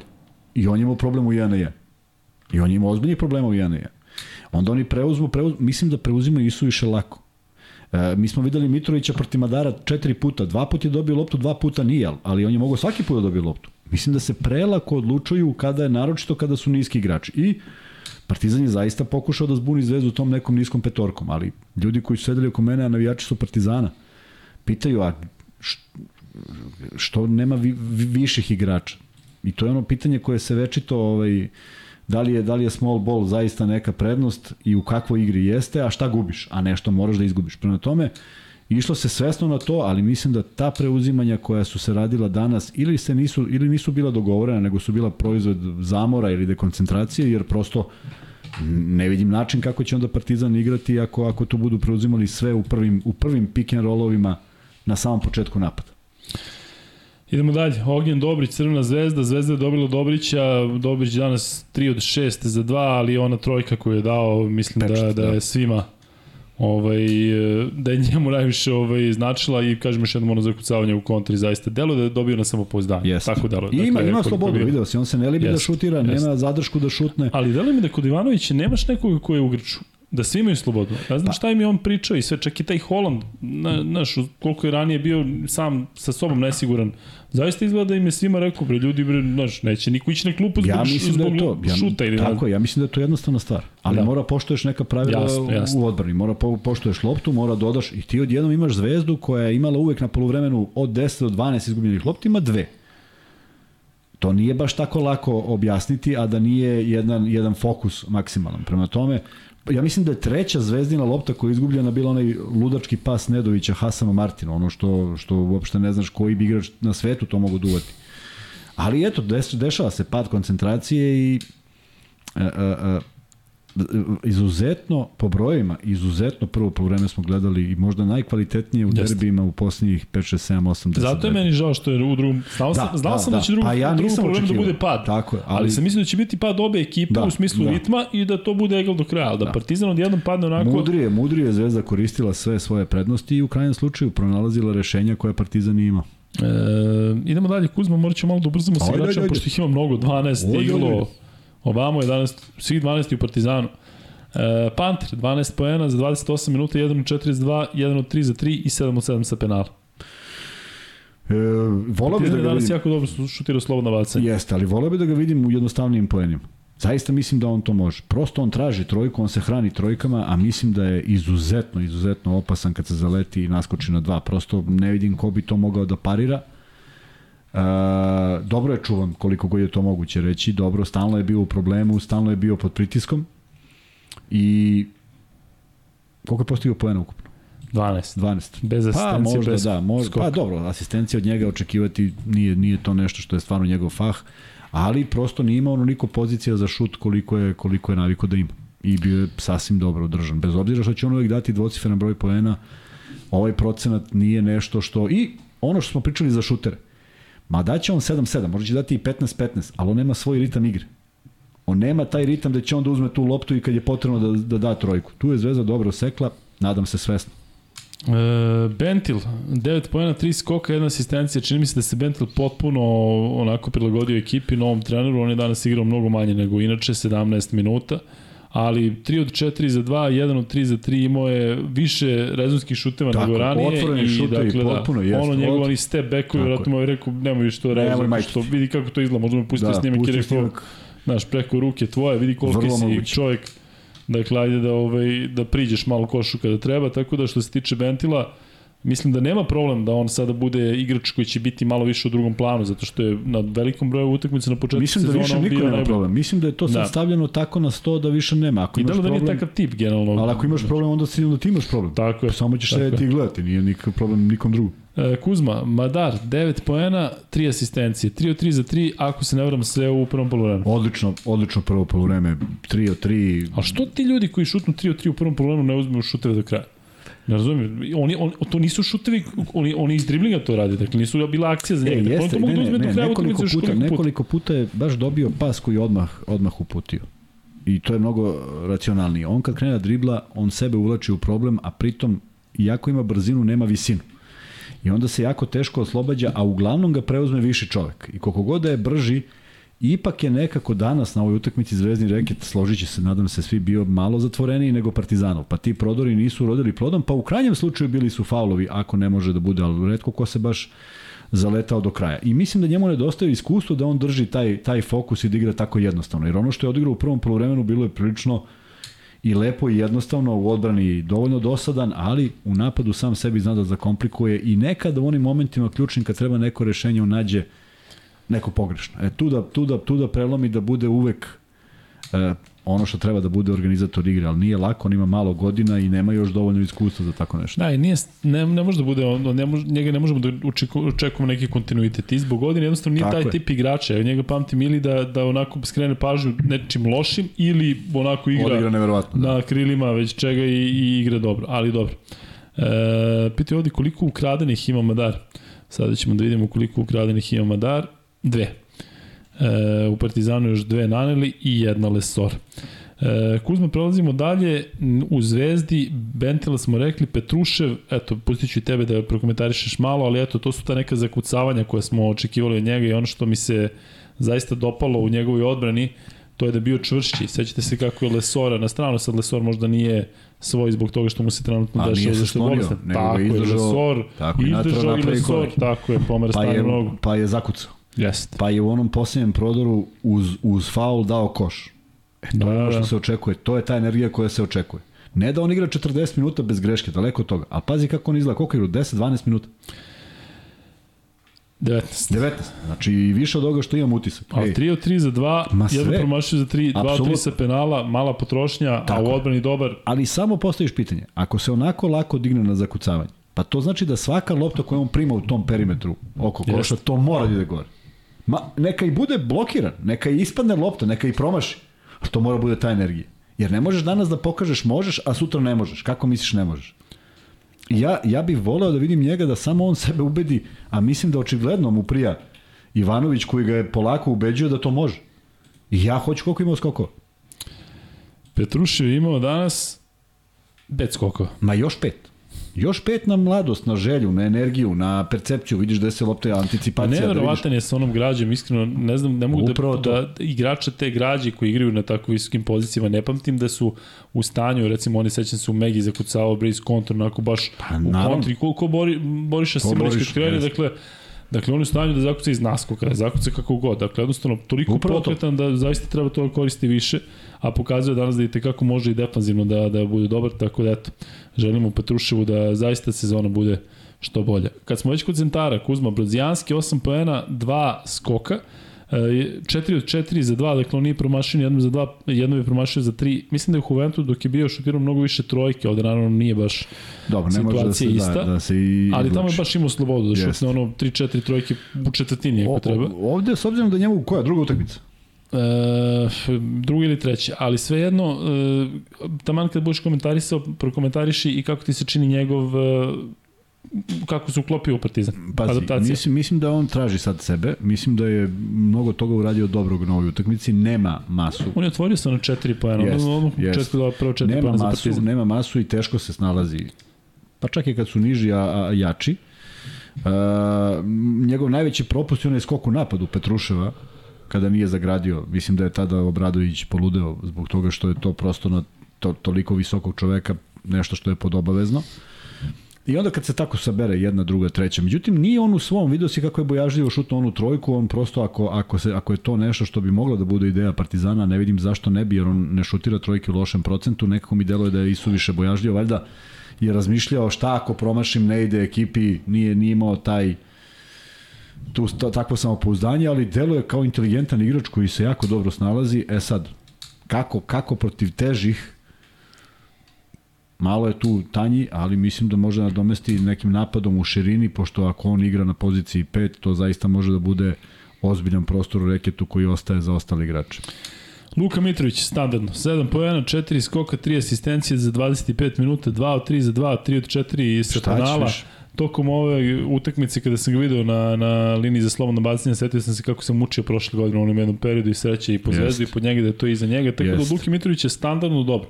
Dakle, to je nešto što smo mi prošle godine pričali, da li može Partizan da računa od, na Zagorca da napravi 8 poena, 6 skokova i dve asistencije i ne mora više od toga. Znaš da smo davali, Da, davali. da, da. Luka Mitrović to stalno, To stalno radi, isporučuje tako je. Zvezdi i zaista jedan od najkonstantnijih, najpametnijih, dakle nećem se da ikada uradio, čak i on dok je bio ovde pa smo pričali, da ima neku lošu reakciju, da negde, dakle on Ne, jednostavno ne, je ne. pravi vojnik, dobar vojnik, kada ga imaš na terenu, znaš šta da očekuješ. E, Kad je došao Ivanović, neko mi je u jednom trenutku izgledalo da možda može njegova uloga da se malo menja u smislu da i, i oko minutaže i, i oko svega, ali čini mi se da je, da je na sreću Zvezde sve, sve kako Kad se treba. tako rasporedi da, ovako, mislim da to svakome prije, jer niko ne igrao malo minuta. Govorimo o vodećim igračima, govorimo o njih osam. Niko nema tu mil, manju minutažu, prosto kad uđe spreman. A Mitrović je danas bio izuzetno spreman i odlično odigrao. Partizan, sledeći igrač je Nanali, 7 poena, 3 skoka, 2 Očekivao sam asistencije. više, očekivao sam više zbog njegovog iskustva, zbog činjenice da nije loše to bilo u prvom poluvremenu, ali u drugom prosto Da, možda u drugom poluvremenu je trebalo da Trebalo on bude jedan od tih je. koji moraju da podignu, tako ali u prvom je bilo ono korektno. bilo da sasvim korektno. Jeste, kada kažem, ne znam da što je krenuo to zakucavanje, ja mislim da je mnogo jednostavnije Da. da. položi zvizna lopta u tablu i to je onda već Da koš. ovo da je faul možda. Ja mislim, to sam ti prokomentarisao, Da. moguće da je bio kontakt, jer samo su, ne znam ni da li su davali usporeni snimak, samo vidim da se lopta zakucala u tablu i da je bila rekontra. Mislim da je Obradović baš kao ti širi ruke tipa šta, Da, šta otprilike. nisi ti taj. A kažem ti, kažem ti, ja mislim da je kompenzacija bila za prethodnu loptu. Tako Da. mi deluje. I međutim očekivao sam od njega, Panter dobija peti penal, pa nema sad više ko. I nije tu nisu bila baš neka sjajna rešenja, dva put uhvaćen u nekim ovim blokadama, u, oduzete lopte. Tako da nije bilo nije bilo tog nekog njegovog zašto njegovog? Zašto je jedan od najiskusnijih igrača, realno. Igrati, igrati na tom nivou, taj toliko godina mora preuzmeš kada, kada spoljan. Ašćer, Ašćerića, Andjušića nije išlo, Andjušića nije išlo, Egzom nije čovek koji šutira za tri, pa onda mora preuzmeš kada si ti u, u petorci. Da, sledeći igrač u Crnoj zvezdi je Holland. Dakle, Holland, kada pogledate njegovu statistiku, to je otprilike ono možda malo bolje nego na što smo navikli. 5 poena, 10, skok, 10 minuta, 1 od 1 za 2, 1 od 1 za 3, mada meni je negde u glavi, čini mi se da sam vidio neki njegov promaši, ali dobro. E, možda tripujem što bi rekli, ali e, Holland je danas donao zvezdi kada je trebalo onu trojku, dakle njegov prvi šut, kasnije pogodio još jedan i zaista čini mi se da bi, da bi mogao da napreduje. Dakle, vidit ćemo da li ćemo ovo biti odskočena daska, kako i da mu ne bude kada je u derbiju, ali možda i više minuta dobije u buduće. Čini mi se da igrao jako dobru odbranu za tih 10 minuta koliko je bio na terenu. Se da čini da, da on je bio jedan od tih koji nisu ispadali u 1-1 odbrani. Ko? Holland. Da, bio je korektan, on je ili pravio faul, pa... Posebno šta za njegove, Znaš za njegove znači, da, standarde. šta znači nije ispadao, da nikogo nije obišao. Da. On je napravio faul i kad treba i kad ne treba, ali, ali Da, da, da. nije, bilo, nije bilo štete po tim. I ako je predviđeno da to uradi, nikakav problem. Dakle, Da. bio, napravio je, napravio je uh, peti faul Zvezde u četvrtoj četvrtini. Mislim da je on napravio peti, možda i u tre, ili u trećoj, a da nije bio svestan da je peti, ali ajde, kad je on u pitanju, to mu se oprašta. Šta mislite o košarkaškoj ligi Argentine? Ne znam kako dođe, u, u, dobro, pitanje je zanimljivo, ali u sred ovoga, jer stvarno mislite da ćemo sada pričamo o Penjarolu i o Obrasu i ostalim timovima u Argentini. Znaš neki tim iz Argentine? Mislim ima tamo Boca, A, boka, ostalo. Boka. Da. Um, Kuzma, sledeći igrač u uh, Partizanu je Ledej, kog si već pominjao, 5 poena, 8 skokova, ubedljivo najviše u Partizanu, niko drugi nema više od 5, toliko ima pa, pa Petru. E, I ima i tri asistencije, međutim ti si rekao da odigrao danas slabije. Ja volim te igrače koji kad odigraju slabije opet napune sve kolone kako treba, ali Ledej Da, stvarno da, je da. neko ko je koristan i kad ga ne ide, u stanju je da uradi nešto drugo, ne ide ga Nešto šut, korisno, idemo tako, na dva. Ali nije ovo Previše bila, inteligentno. nije bila nije, njegova utakmica uopšte. Pogodio on i šut koji je bio u stvari za dva iz ćoške, meni je tada da. Da. delovalo da će biti... Da. E, ovo kaže, Luka, dobro je, samo jednom večera si rekao Elem, u prethodnom podcastu si odborio rekord. Dobro. Si ti Elem, Elem, zar nije Darko Elem? e, mislim da sam ja Elem. E, Au. evo kaže ovde Dejan Fu, pravo si imao jedan promašaj šut od- odmah po izbacivanju iz auta, jeste, zato mi je čudno da vidim 1-1, 1-1, ali dobro. E, govorimo za Holanda. Sledeći igrač u Zvezdi je Hasan Martin. 5 poena, 3 skoka, jedna asistencija, 11 minuta. Stvarno deluje da bi on mogao da napreduje i meni onako da je pronašao sebe, da je da, Da, promenom da, trenera on da. da. dobio neku Jeste. e, neko poverenje, da li ga ranije nije bilo ili jednostavno je on ušao u neko sivilo u kojem je bila zvezda, ali mislim da bi on mogao da bude neki igrač, ne poredim ih sada po pozicijama, ali znamo da je Hollins prošle godine se baš adaptirao uh, i rekao, aha, dobro, nis, neću biti ono što sam bio u Zenitu, neću biti ono što sam bio u nekim klubima, ovde moram da radim to, kontra, da zakucam, da igram publiku, akcenat na odbrani, čini mi se da Martin sve više dobija tako neke zadatke koji, koji, koji mu prije. Otvorena utakmica i na, njega i na Bentila jedan s jedne, drugi s druge strane, imaće on svoje lopte, ono što je od njega vrlo bitno i kada bi doveo sebe na nivo Mitrovića, od 7 do 10 poena, od 4 do 6 skokova, da, dakle, da. I to može da funkcioniše fenomenalno. Dovoljno je brz, dovoljno ima energije, E, nezgodan je jer je levoruk i danas sve što je uradio imalo dosta smisla. Kad god je trebalo napravi faul, napravio je faul, nije bilo koša i faula i koš važi, prema tome izuzetno e, ne, ne, ne fantastično, ali timski. Prosto timska igra i kad imaš takvih pet na, i kad ti se nadovežu trojica koji to treba da nose, onda ispadne prilično dobro. Andjušić Kuzma 2 poena, 2 skoka za 12 minuta, 0 od 2 za 2, 0 od 2 za 3, dakle to je dao se penala, očekivali smo svi, svi više od Andjušića. Ali da, ali mi, moje mišljenje da, da, da je malo duže bio na klupi nego što je trebalo jer on je neko ko zna da vrati te poene, u prvom problemu zanemarljiv učinak, međutim u drugom ulazi tek pred kraj i onda kreću znaš, ona želja da postigneš neke poene, pa onda on sa trojke naskoči na dvojku što redko radi, pa šutne, pa i to promaši mm, nekako mi se čini da i on da, da, da, da on izgleda kao toplo hladno, da i on igra tako. E, moguće da on pomisli da je u momentu kada odigra posljednju utakmicu prilično dobro da je sa to novih 25 minuta ono ne bude i onda prosto ne može da se snađe u svemu tome. Nije bio defanzivno inferiorniji od bilo koga. Ne vidim da je tu Partizan primao neke poene. Naravno, uvek može da bude bolja odbrana, to bez daljnjeg, ali ne bih mogao da istaknem ni jednog igrača Partizana za kojeg mi se dopalo kako je odigrao danas odbranu, pa da bi sad upro prstom u nekoga ko nije. Prema tome, mnogo grešaka uopšte, u, u generalno u timskoj odbrani. Da, sledeći igrač u, koga smo sad rekli, Andjušić je tako? Da, sad si ti. Sledeći igrač u Crnoj zvezdi je Branko Lazić, 4 poena, 2 skoka za 17, 18 minuta, 2 od 3 za 2, 0 od 1 za 3, ali videli ste pogodio na jedan šut, što je Zvezdi dalo to što treba. Mislim da, da Lazić i dalje radi svoje stvari, Tako, možda to nije neki, on je uvijek i dalje agresivan na playu, dakle ne daš mu da, da podigne glavu, to se ne vidi, to ne Ali vidi evo, se evo, evo ja sad pitanje, aj sad da pričamo ovako, evo, pitanje za Zvezdine navijače i za Partizana navijače. Dakle, pričamo o treneru Duško Ivanoviću, kojeg verovatno dok nije došao u Zvezdu, u Zvezdu nema, nema razloga da ga ne cene i Partizanovi navijači. Sad je taj rivalitet malo drugačiji. Ali, Da li on stvarno deluje kao neki ludak koji će Lazića drži 17 minuta na parketu zato što šta? Zato što mu je drag? Zato što se druže? Šta, u čemu je for? Da li, čini mi se da Lazić minutažu koristi mnogo bolje nego kod Jovanovića. Da je ta, tu, je, tu je nekako tako. bio na onom modu kod Saša Obradovića. Šta tako, se tu dešava? Šta se dešava? Ali on sad ovde ima nešto zašto se trener uhvati i kaže ti si tu zato što je to tako. I ti sad pogledaš Lazić od početka uh, koliko je igrao, ja mislim da je njegov, njegov onaj koš količnik u plusu. Ako mene pitaš kako izgledala kretanje rezultata.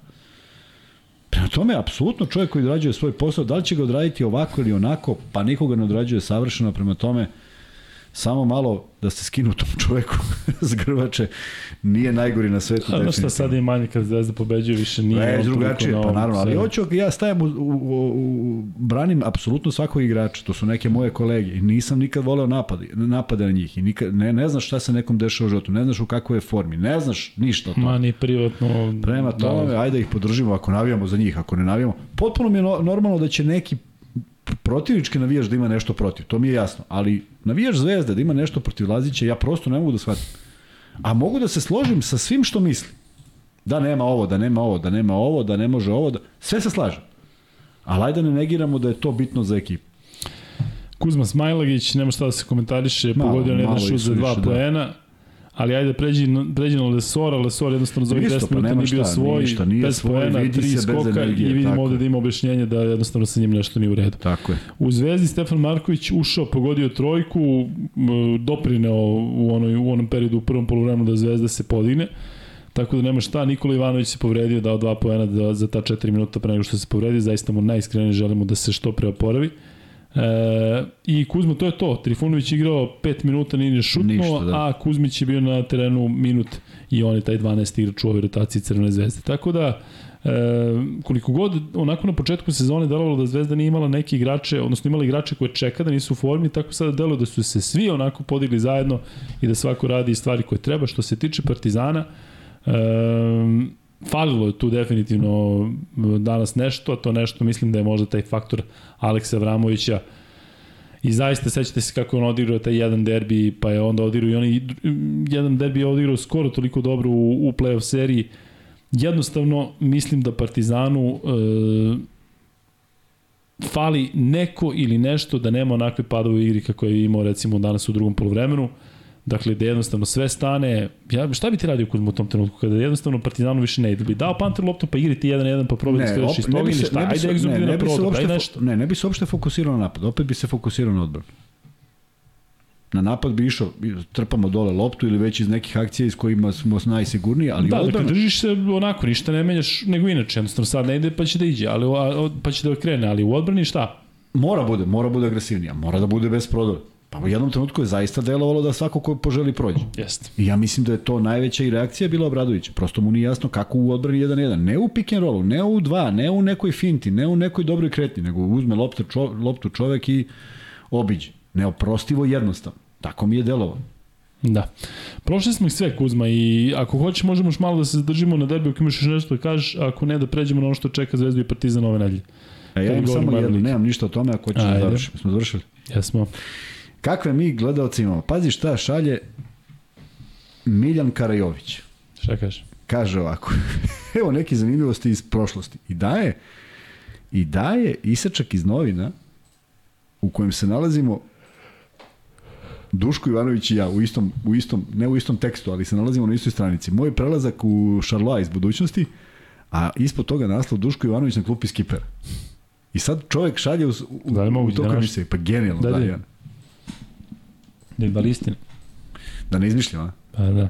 Pa aj sad kaži, gde ti to piše? Vidiš to malo? Vidim, Duško Ivanović. e. gubi. A tekst je o mom prelasku. Kuzma kaže, narednih dana trebalo bi potpisom ugovora da zvaničimo dogovor, kaže Kuzmanović, koji neće biti jedini Jugoslovan u redovima belgijskog šampiona. Jugosloven. Šta ti kažem? Doskočni trener Šolea Savo Vučević preuzeo trenersku palicu na klupi Šola, njegov brat je legenda Sarajevske Bosne Boro Vučević u 45. godini odlučio da kaže zbogom aktivnom igranju košarke u 45. godini. Zamislite koliko to deluje nevjerojatno za današnji Jugoslav. I tad je Nikola imao 12 godina, tad smo se upoznali. Da, pričao si ono da, Da. da. izlazi iz kući. Da. Šta? E, Kuzma, Zvezda ili Partizan u Euroligi? Koga ćemo prvo? I jedni i drugi igraju kod kuće i jedni i drugi imaju utakmice, ajde da kažem, koje su onako... E, ne dolaze protivnici koji su nepobedivi. E, Zvezda igra protiv Virtusa. U četvrt, u petak u 18 časova. Moram prvo da kažem da jedva čekam da vidim raspored za, za Euroligu za petak, da vidim da ću moći da gledam švajcarce. S, neke, s jedne strane možda i bolje da ne gledam, da se ne nerviram, zato što mi ode zdravlje ove, na, na, na utakmice koje su problematične, ali ajde Kuzma, Zvezda Virtus. Posle ovoga svega što se izdešavalo i problema koje Virtus ima, a negde su kulminirali, ovaj, mislim da je, da je ta utakmica protiv Efesa bila posebno emotivna za, za Teodosića. Znači, tu je Vasa Micić, Jest, neko koga jest, je sam ja. nasledio. Igrao je potpuno ludački i šta treba i šta ne treba i šutirao i pado i skako i sve. Ali evidentno postoje neki problemi jer Virtus ne igra ništa nalik onome što je Skariolo radio sa reprezentacijom, tako da se teško uhodavaju. Zvezda igra na domaćem terenu, naravno da ne postoji utakmica koja je završena, ne postoji utakmica koja je dobijena, ali ovo je već peti, već peta pobeda i sada to nisu pet pobeda, tri u Euroligi i dve u Jadranskoj, nego je pobeda nad četiri Euroligaške ekipe. Zašto bi sad Virtus bio problem? Meni nije jasno. Naravno da treba ući u utakmicu sa jednim ozbiljnim fokusom i sa poštovanjem svega onoga što zamisli trener Ivanović, ali mi deluje da su i na tom putu. Prema tome do te utakmice ima dobrih četiri dana, je li tako? Da. Što je dovoljno za, neku, Jeste. za, neku, za neki oporavak uz činjenicu da definitivno neće biti Ivanović, što jeste hendikep, ali uh, ja čak mislim da Ivanović neće, ne u negativnom smislu, neće ni obratiti pažnju da ga nema. Znači on će konstatovati da ga nema i ajde sad ko je taj koji mora da preuzme deo toga što radi Ivanović. Ko? Kogod. Lazarević imati zadatak Holanda, ajde Holand ti preuzmi ovo, ajde ti sad ovo, ajde, mislim da tu uvek može da se sklopi. Prema tome, zaista mi deluje da Zvezda nije neki favorit, iako imati četiri pobede faktički u nizu, trebalo bi da budeš, ali ne bih uopšte da, da, da se opterećuju time ko je favorit, nego da budu blagi favoriti jer igraju na domaćem terenu. Zaista verujem da će pionir ovoga puta biti pun. On nije bio ni malo prazan na prošloj utakmici, ali još puniji. Da, pa dobro, sad si podrazumeva sada. Sad je, imamo sada tako. i one koji dolaze samo kad Tako, je dobro. tako. Dakle, oni bi Nek- trebali da ispune. Neka da. dođu, neka ispune, neka Tako to bude da, da padaju sa, sa onih tribina i da naprave jedan spektakl, ali naravno ne zato što je nešto gotovo, nego zato što je to jedna ozbiljna ekipa sa ozbiljnim trenerom, koji gleda ovu utakmicu protiv Partizana sigurno, jer to je najsvežija, neće gledati možda onu protiv Makabija koliko mu je ovo interesantno da vidi jedne i druge. Prema tome, treba videti, treba videti odigrati još jednu utakmicu. Ja samo nadam da, da, da je ova utakmica malo promenila, da ne mora Ivanović da pobeđuje sve od 2 do 5 poena i da smo da, da su svi u hali u, u nervnom rastrojstvu, ali očekuj, očekivati tešku utakmicu uvek, jer ipak je to Euroliga, Nekako mislim da je Makabi u boljoj formi od Virtusa, a pao je u Beogradu, jeste na splet okolnosti, na, jedno, na jednu neverovatnu energiju, ali ne vidim da, da, da Virtus ne može da padne isto kao i, i oni. Da, Zvezda sada otprilike dolazi da Zvezda ima ipak bolji raspored što se podrazumeva neko onako loše. Ali ovo onako teškog starta. Da. Zvezda gostuje u studentskom centru koji je danas igrao sasvim korektan meč. da. Tako je, tako da nema šta. Neće to biti lako gostovanje, opet sa druge strane nekako se podrazumeva da Zvezda mora to da dobije i da neće kiksnuti kao što je to bilo protiv Zadra, posebno u ovoj seriji. I onda imamo taj novi derbi, prvi u Euroligi ove sezone, prvi u Euroligi ikada između Partizana i Zvezde koji se igra je. 8. decembra, dakle za desetak dana. Prosto nevjerojatno zaista kakav ritam. Vidjet ćemo šta će doneti taj derbi, ali što se tiče e, dakle, zvezdinog raspreda posle ovog meča protiv Virtusa, dakle studentski e, centar, pa zatim Ja sad ću ja kažem. e, Partizan i onda Zvezda Aha. dočekuje Monar, pa je onda Zvezdi dolazi Žalgiris, pa dolazi raspali, Armani. trenutno raspali Armani. Tako da, Da. deluje dobro. Da, Zvezda u Euroligi igra Virtus, Partizan, Žalgiris, Arma- Armani i onda se gostuje Olimpijakosu. Pa dolazi Barcelona. Dakle, to je, kako bih rekao, izuzetno dobar raspored. Jeste da dolaze ovi velikani, ali prosto moraju da dođu jednog dana. Međutim, s druge strane, ovo nam sve piše Dejan Andrić. Međutim, sa druge strane, Partizan ima sledeći raspored. Ima sad Valenciju kod kuće i Zvezdu, što je odlično u smislu domaćinstva. A onda Asvel gostuju, Efes kod kuće, Fener gostuju, Bayern kod kuće, Monako kod kuće. I ABA liga u stvari predstavlja problem.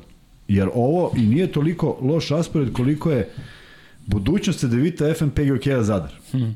Dakle, zaista neverovatan broj utakmica koji Partizan ima, s tim što eto Valenciju ako otvori pobedom, što bi nekako bilo i, i normalno, samo da budu da ima još više raspoloživih i, igrača koji su u formi, onda dolazi taj večiti derbi koji će opet biti nešto što smo gledali danas. Ne verujem da će odlučivati samo domaćinstvo koliko ko je tu sad spremniji. Asvel ne mislim da je težak zaloga i naročito, bez obzira što je u gostima, a onda Efes kod kuće. Tako da, to su Fener goštovanje svakako je teško, ali Bayern i Monako kod kuće su ipak kudi Jeste. kamo bolje stvari nego da gostuju bilo gde. Kuza imamo 2000 ljudi u Majstori, šta da konstantno, da, da su majstori nego su carevi. Kažem očekivano da su brojke jače zato što je derbi. Piti ovde kada će prvi free bet, može odmah. Milan Jeftić. E, E, dobio sam donira. jedan interesantan... Ponovo donira, Ponovo, Milan Jeftić. 18-19. 19. Imam jedan interesantan free bet, ali ne mogu da ga nađem. Pa ću da ga parafraziram. Jel mogu? Jel znaš o čemu se radi? Da, znam o Ajde. čemu se radi. A ne mogu setim ko je poslan, neka mi ne zameri, ali genijalni. Kaže ovako, a pazi, nije, nije baš be, potpuno besmisleno i daleko od nas. Kaže, čije ime je David Stern izgovorio poslednje pred penzionisanje? Da znaju to svi. Znaju svi? E, pa Da, šta da. me onda hoćeš život? Šta si ne isprepada, pa neko odgovori? 30. pik na draftu. Pa dobro. Da. E, E, čoveče, ja rekao sad tu... Čuli ste free bet pitanje, već odgovarate, ali hajde, čije je ime izgovorio David Stern poslednje kada govorimo o biranju pika na draftu, dakle to je prva runda, pošto u drugoj rundi se ne prozivaju i verovatno znate ko je, Proziva ih asistent. da, ali ne proziva kome se. Da.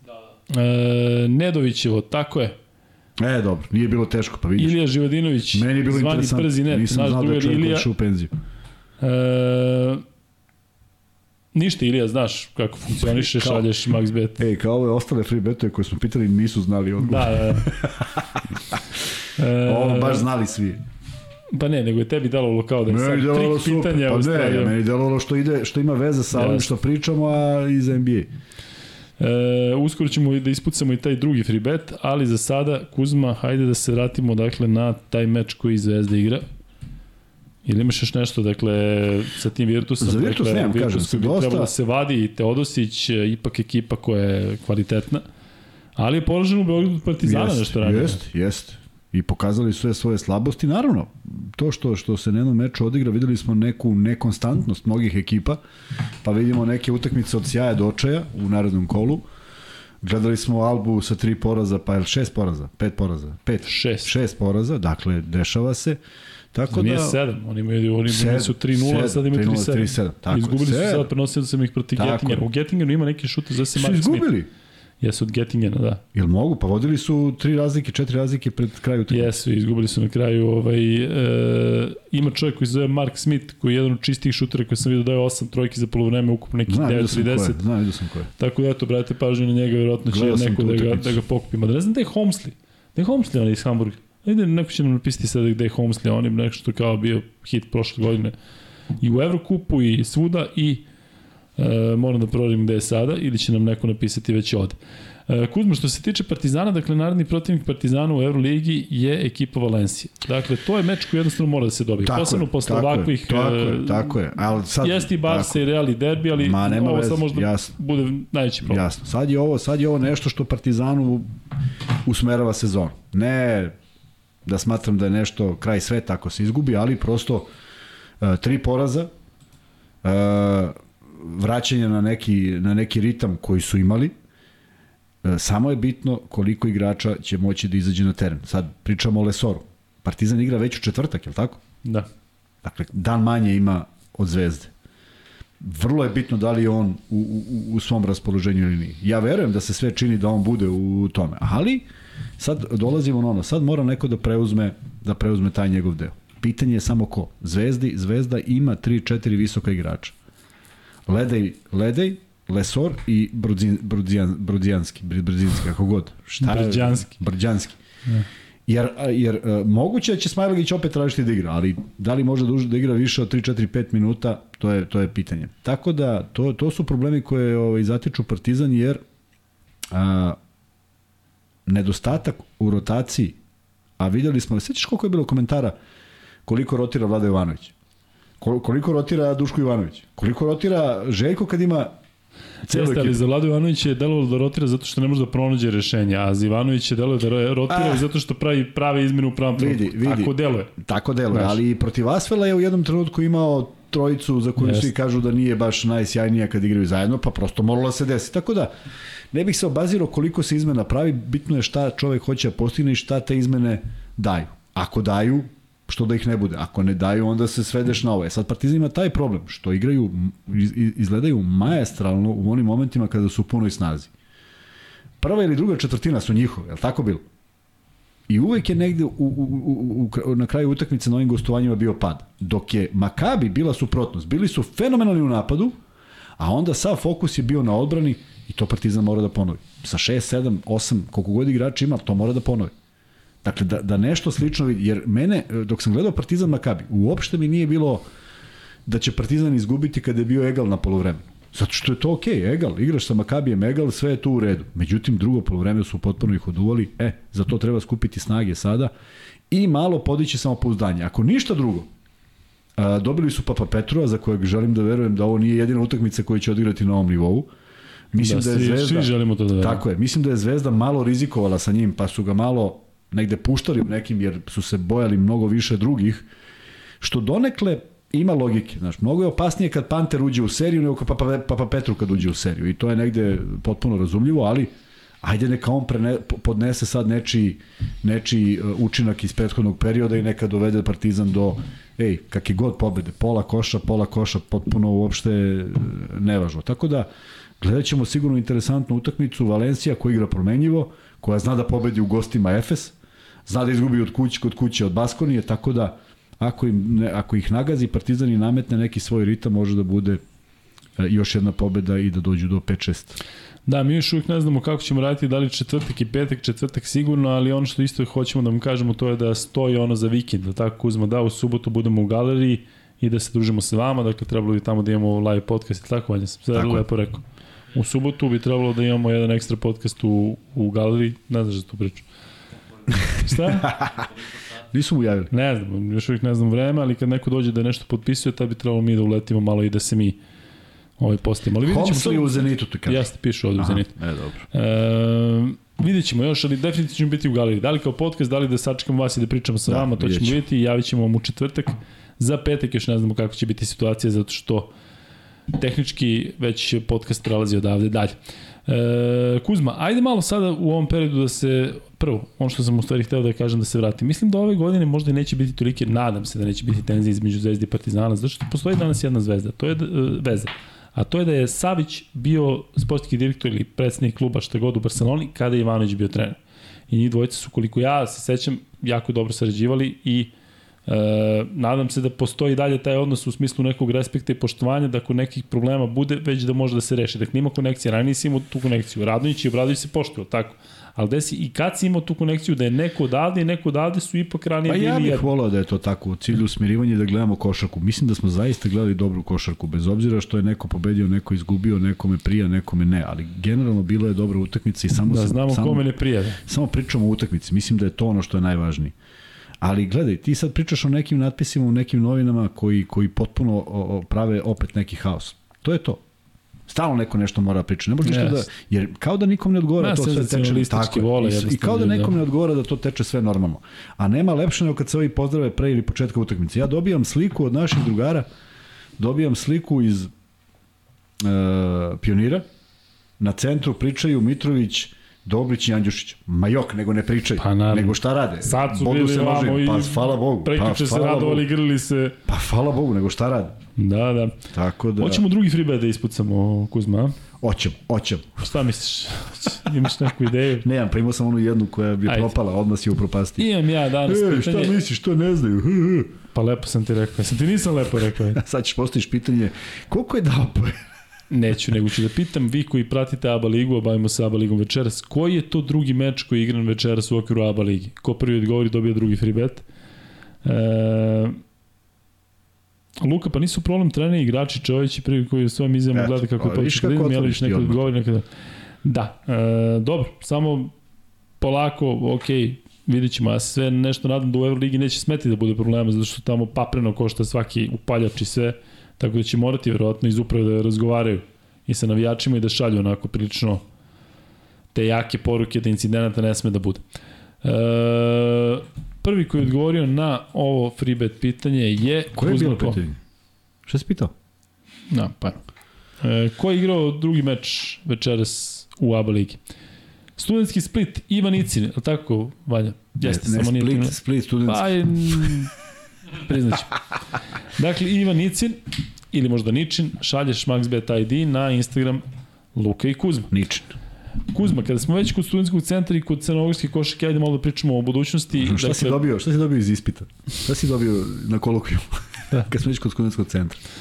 E, Ajde da pričamo, ne ide to baš sjajno, Ali, mora da ima neko ali. nema ali, ne ide to baš sjajno i prosto je neverovatno kakvu su utakmicu preživjeli protiv Zadra.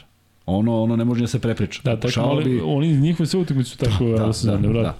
Međutim, nema, nema te energije i vraćamo se kada si mi ti u stvari rekao ko je potpisao za budućnost, ja sam vidio da tu nema neke sreće i dalje mislim da nema sreće. Govoriš za Reynolds? Jeste. Prosto taj čovjek se ne uklapa u nešto što, što su ambicije kluba. On ima neke svoje ambicije i to je lepo. I on može Da će bude... da pišu, ali on igra dobro, dao je sinoć 16. Ma ne, može on da da 6, možda na kraju njegovog konta piše 40 A što i... ti kažeš, ne deluje kao Ma nije tip koji će biti u pobedničkom Ma timu. na, evo, upravo Sad, to. pobednički tim i on Upravo kao... to. Da. Ja večito pričam o tom Pulenu i večito pričam o Omaru Kuku. I, I, samo recimo, da ja mi kaže... Josh Adamsa, ovog E, žuce da šta su mučenika. oni doneli? To mene zanima. Znaš koliko je bilo igrača koji su... Pa de, de, nemoj, nemoj sad da pričamo o Juba ligi. Ali bilo je igrača koji su vodili svoje timove koji se nisu snalazili u velikim timovima, koji nisu osvajali titule, koji nisu osvajali prvenstvo, koji nisu igrali final. Pa ima neki razlog zašto on nije u toj ekipi pobedničkoj, nego i u ovoj gde on najbolji. E, tako ova igra košarku i bojim se da će tamo da pukne film nekome i da sve ode u... Jer ne stoje sjajno, ne stoje sjajno. Ne, Moli očekivali- dobili ono protiv Pariza. Pariz je jedna ekipa koja je onako prilično skromna za Evrokup. Budućnost na svom Koliko terenu, ima, na, koliko ima na u Eurocupu? Mm, sad ćemo da vidimo, ali mislim da ima 3-2. 3-2. Da. To je sjajno. To je fenomenalno. E, ali pogledat ćemo nešto sada. ne sumnjivo. Koliko ima? Budućnost u ABA ligi ima trenutno skor 5-3, što je problem, To je problem. Dalje. zato što su daleko iza Partizana, FNP-a Da. i Zvezde. A što se tiče budućnosti u Evrokupu, daćeš mi 6 sekundi, da ti vidi da li ima neki novi Paypal. Jel ti izađe kada Paypal, on ti nešto kao obavestite? Prosto mi se zapali telefon.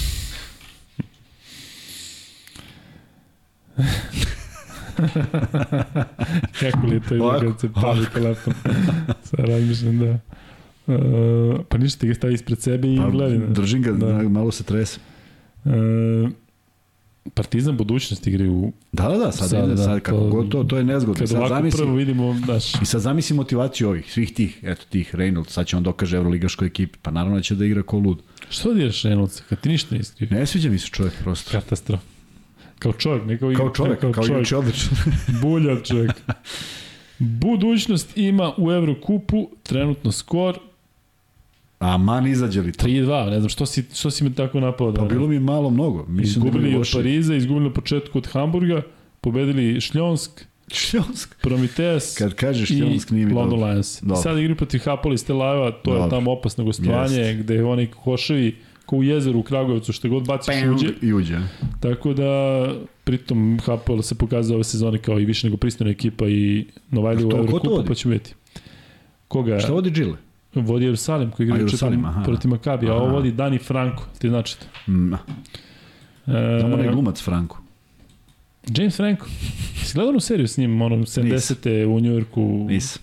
Si gledao nešto sa njim? Jesam, ali kada je glavio ruku, 127 kada je glavio sati, ruku ja. u steni, ne znam zašto.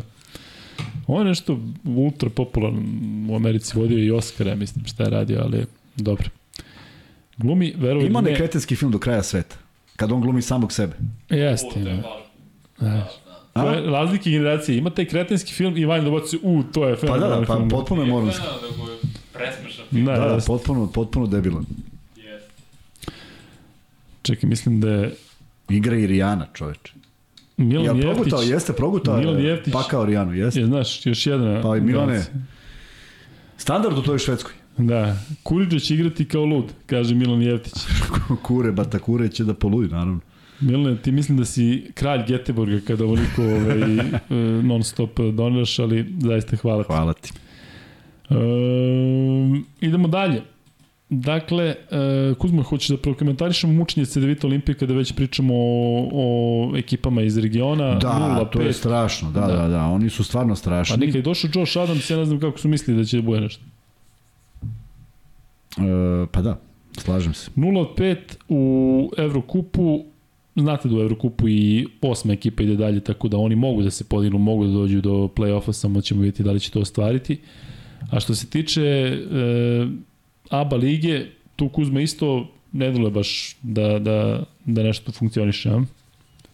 Naću sada ovaj standings. A, A, pa bolji su u okviru ABA ligi u svakom od slučaju. 0-5 su bolji sigurno. Da, ali nije to sjajno i eto, ponovo se vraćamo na Jaku Blažića i čoveka koji je držao tu nekom energijom. Nekako sve se to prosulo i stvarno neverovatan učinak. Mislim da su jedini koji imaju 0-5 u, u Evrokupu, a? Mm, Čini mi se da jesu, da.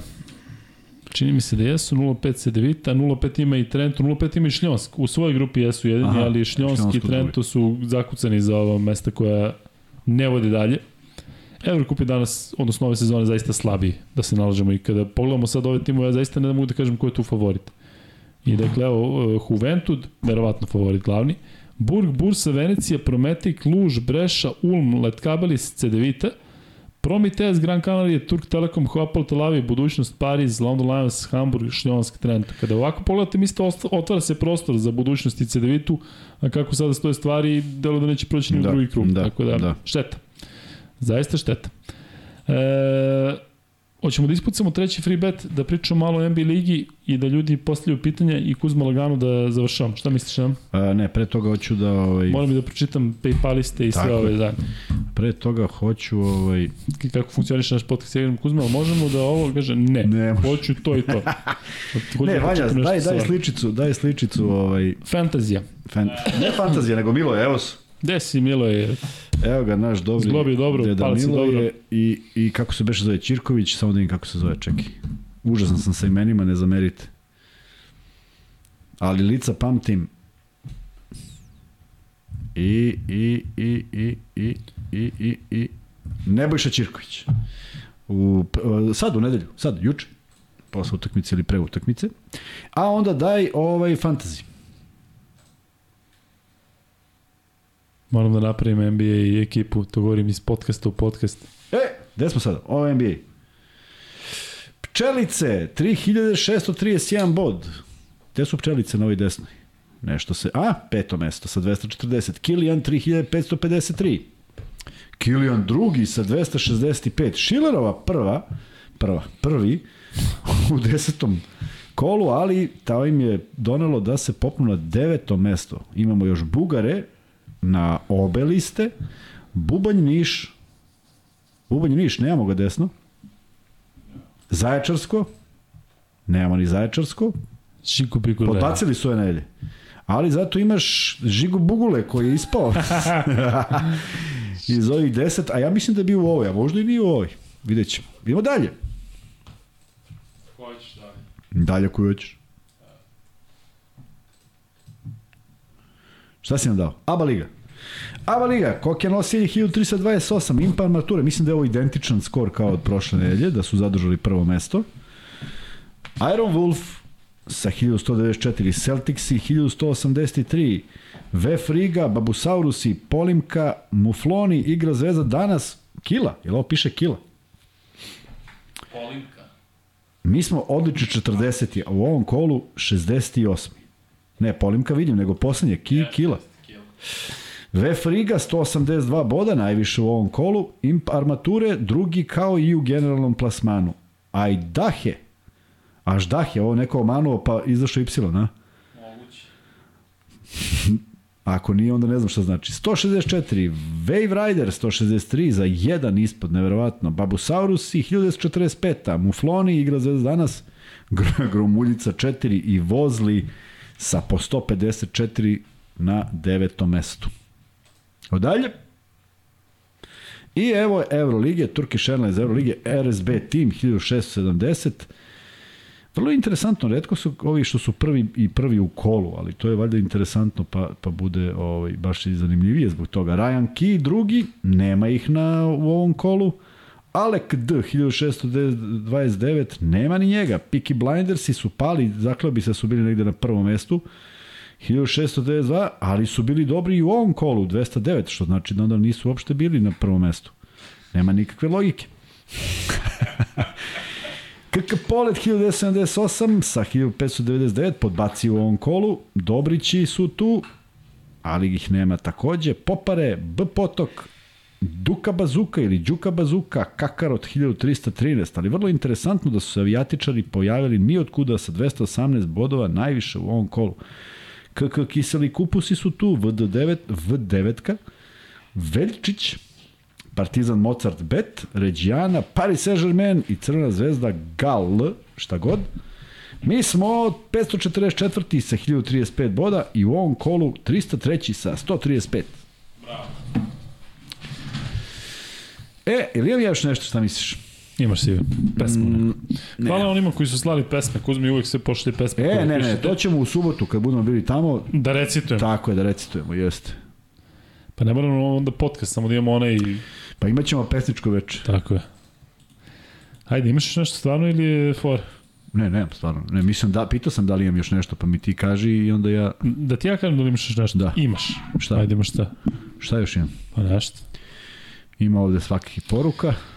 E, možete da krenete pitanje za mene i za Kuzmu, zato što vidim da ste mnoga pitanja postavljali, a da nismo stigli da odgovorimo zato što jednostavno nismo stigli. Da, E, i neka ne zamere svi koji, ja zaista se trudim da odgovorim svima, ali prosto nekada pitanje dođe kad mi prođemo temu i onda krajnje, ne znam. neverovatno bi nezgodno bilo da sad vratimo na to, kao nisam rekao ovo, a u stvari uvek manje više spomenemo sve. Jer mi pričamo da. o svemu. Voli Kuzma malo da se sprda. Marija Janković pita Luka kako si, ovo je vjerojatno prozivka zbog Partizana koji je izgubio. Težak dan, moram priznati, zato što m, krenulo je sa onim Kamerunom, pa sam onda moraš da preživljaš Brazilca koji je sreće dobio. Ja sam još navio i za Južnu. Koreju. Kako je meni? Južnu Koreju. Mislim da je sad samo Koreja, da se prihvata da su samo Korejci, znaš, više nema Južne Pa Koreje. i Holand više ne bi trebalo da se zove ovako. Ko? Holand, nego Nederland. Ja mislio Erling Holland. A nije Svi treba promeni. Dobra fora, tek sam sad skapirao. E, Luka je isli- isplatio juče Galata Ferni koji igračina je Hayes Davis u ovo pravce kida. Video sam e, da je bila utakmica na veliki broj poena i nisam je gledao. Samo sam malo ispratio rezultat, video sam da se kidaju ovaj, tokom celog meča. E, tako da, pitaju zašto Kuzma ne prati NBA ligu. Pratim, pratim. Kako pratiš? A, može ovako? Delimo 50 free betova večeras iz mog džepa. Ako Kuzma kaže koji su timovi na čelu zapada i istoka. Na čelu Da zapada. je pr promaši. Da, da, da, da, da ne moram da Na čelu ovih. zapada, na primer, ili moram baš redom? Ili koliko mogu? Tri? Ne, samo reci Samo prva je ekipa prvi? zapad. Tako je. U je. Na čelu zapada, New York Knicks. a na čelu istoka, na primer, ne znam, Hajde pa lupi. ne, ne znam on tim. a, Brooklyn, na čelu istoka. Brooklyn, Brooklyn 9. A na čelu zapada, Phoenix. Phoenix Tačno. Suns. Jeste. Pa za Phoenix je rekao, Brooklyn promašio, nema ništa je beta, rekao Brooklyn? se Kuzma. A na istoku, a na istoku, sad samo sam te testirao, na istoku nije Brooklyn, ne, Nego? ne Brooklyn, nego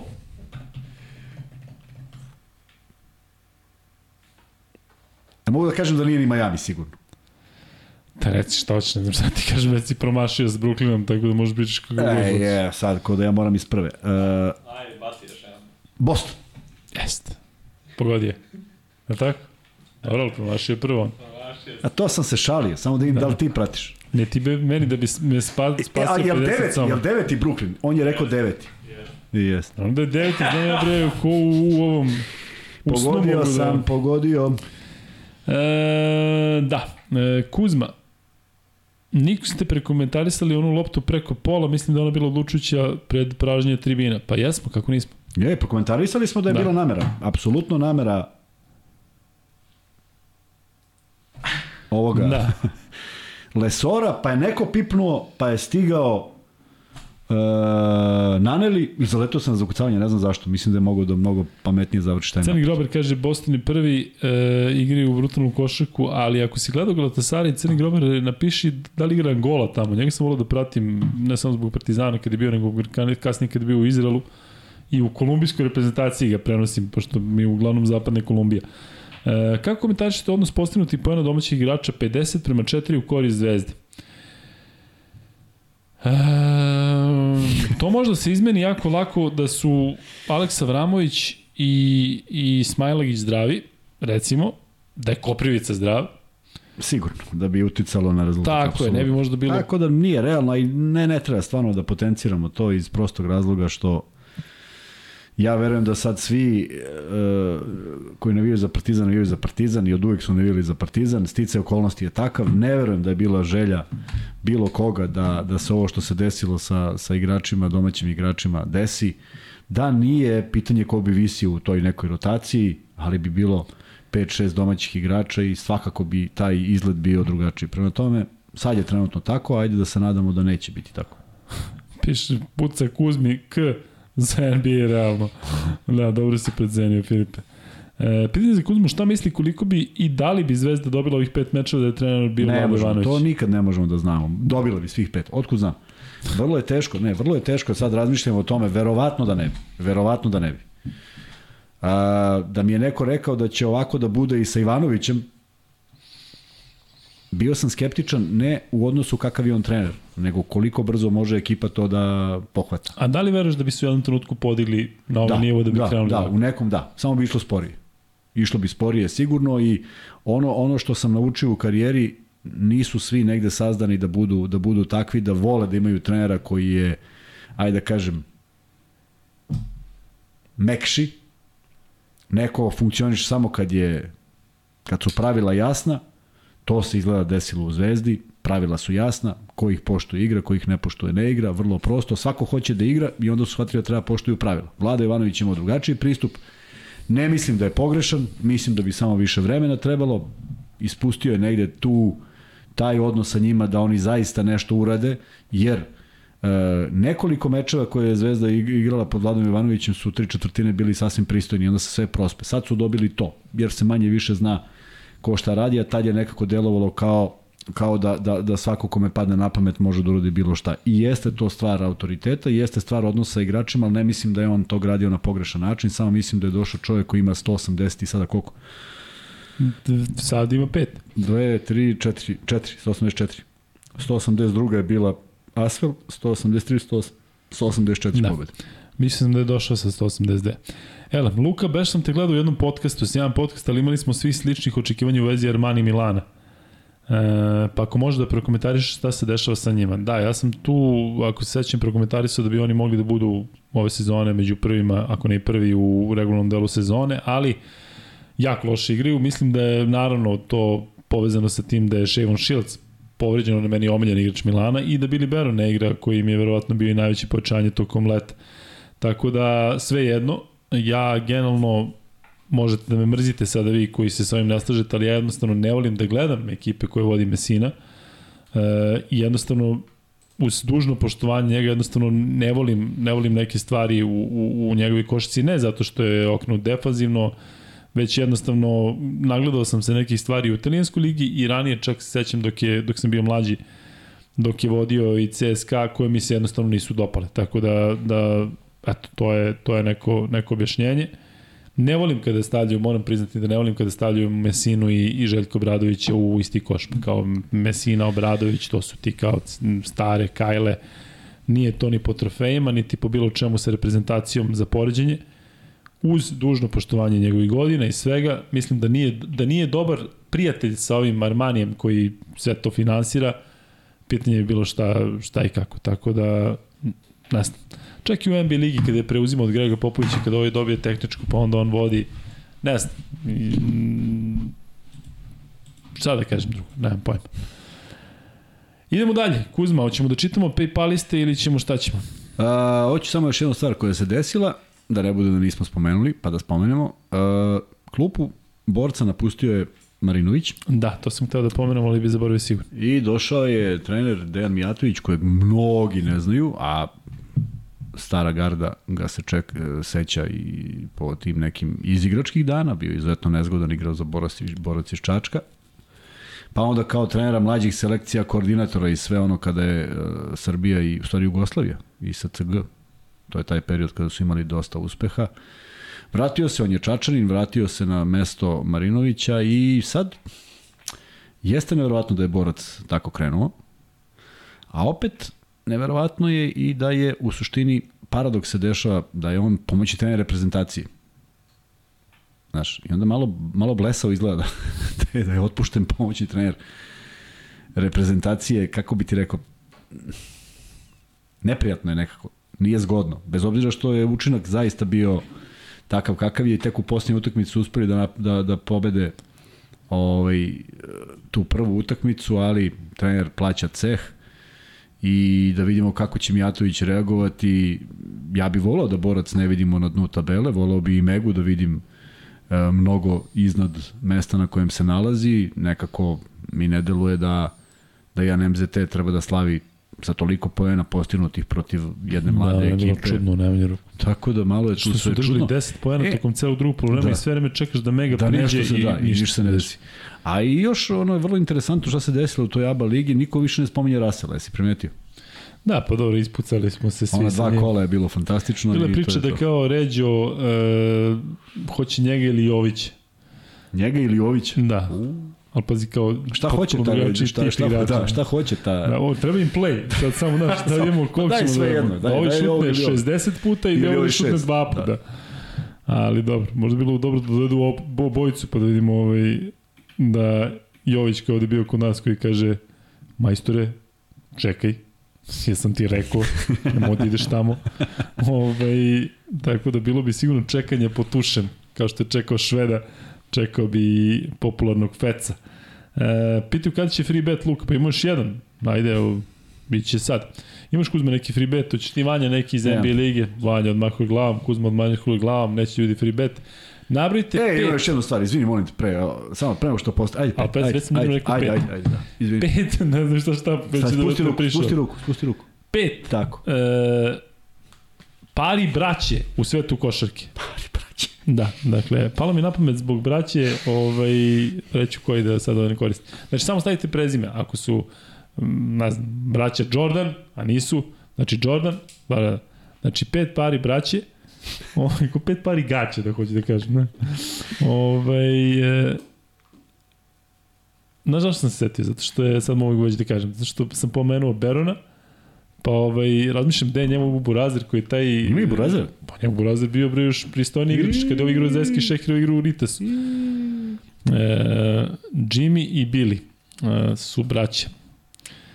Sad će malo da pišu. A ovde ne može Google, tako da mora on. Sad kad stave braću Vučević, Može, To to, da je u računam. redu. Pa kako ćeš da daj je kada Savo... ne Kuzmu dok izvučem dlaku iz A usta. gde je Savo igrao, majke ti? Kako da... Šeškova dlaka iz usta. Ja mačka šelo, malo tokom dana. Šele, šele. E, da vidimo. Gasol, Šehović, Lopez, Plavni, Tig. E, samo ti kažem. Ne, čekaj, gore ima Bertans, Gasol, Pecarski, Grmuše, Lukovski. Uuu, šta Lukovski? Hm? Ne znam ko je Grmuš. A ja znam ko je Grmuša, šta Lukovski? Pa ne znam, vratno otac i sin, ne znam da je Ti si Lukovski rekao brać. braća. Da, a Grmuše su šta? Pa brat, Aleksandar i... Pa Lukovski nema brata, koliko Nema ja znam. brata. Proveri. Ma nema brata, sigurno. Nema Dragan Lukovski brata, kako sam mu zalepio jednu bananu na, na, na, na jednom basketu, a on je tad, mislim, bio došao sa reprezentacije, znaš kako sam bio ponosan. Fenomenalan tip, igrao baš basket sa nama, uopšte nije trebalo da igra. Ovaj, tako da ne možemo Milane da priznamo to, evo Milan je tražio da bude free, free bet, ali kako braće Lukovski, ajde pojasni nam posle. E, Dimitri Dojčinović je rekao Gasol, Šehović, Lopez, Plamli, Tig. I baš mi se dopada kako si ovaj to sve u, uklopio u smislu da si ubacio braću Šehović i ostali su bre, ti iz čoveče, NBA lige. a gde su Dražan i Jaca Petrović, čoveč? Pa ne, nisu naši ovi, znaš da je nama najveći od 35 do 45 godina, ne jeste, pamtim to oni naš. Ajde daj još neku braću iz tog perioda. Safet i Sed Sušić. Dobro, ali neki je ove, Vanja, poslam ti jedan snimak. Koje braća su igrali? da. Da nije bilo mnogo. Pa gde li bilo uopšte? Nije. Dražen i Jaca. I to bi bio kraj, što ja znam. Ajde sada nije free bet pitanje, pošto smo ispucali free bet, ali da vidimo ko će prvi da nabroji pet očeva i sinova. Pošto evo vidim da se pomenu Lukovskog. Ajde. To je ali, ali pet... I Ajde. Kako? Mitko i Janko. Lukovski. Otac i sin. Ne, ne, ne, ne, braća Mitko i Janko Lukovski. Mitko, a to za Ćaleta priča za braću. Ne znam ja, tako je napisao čovjek. Pa gde, igra, gde su igrali Mitko i Janko? Pa Ćale iz, iz Janko igrao negdje. Nije, nije, Gde je Mitko igrao? Gde su igrali Mitko i piše. Pa onda je tačno. A pazi, nije stavio ovu braću Ne, dole, nije. na, koja sad igra. Ništa, Milane, pošalje onda i ti. Hoće nam priznati Max Bet Ma 4 priznaći beta. kako da neće.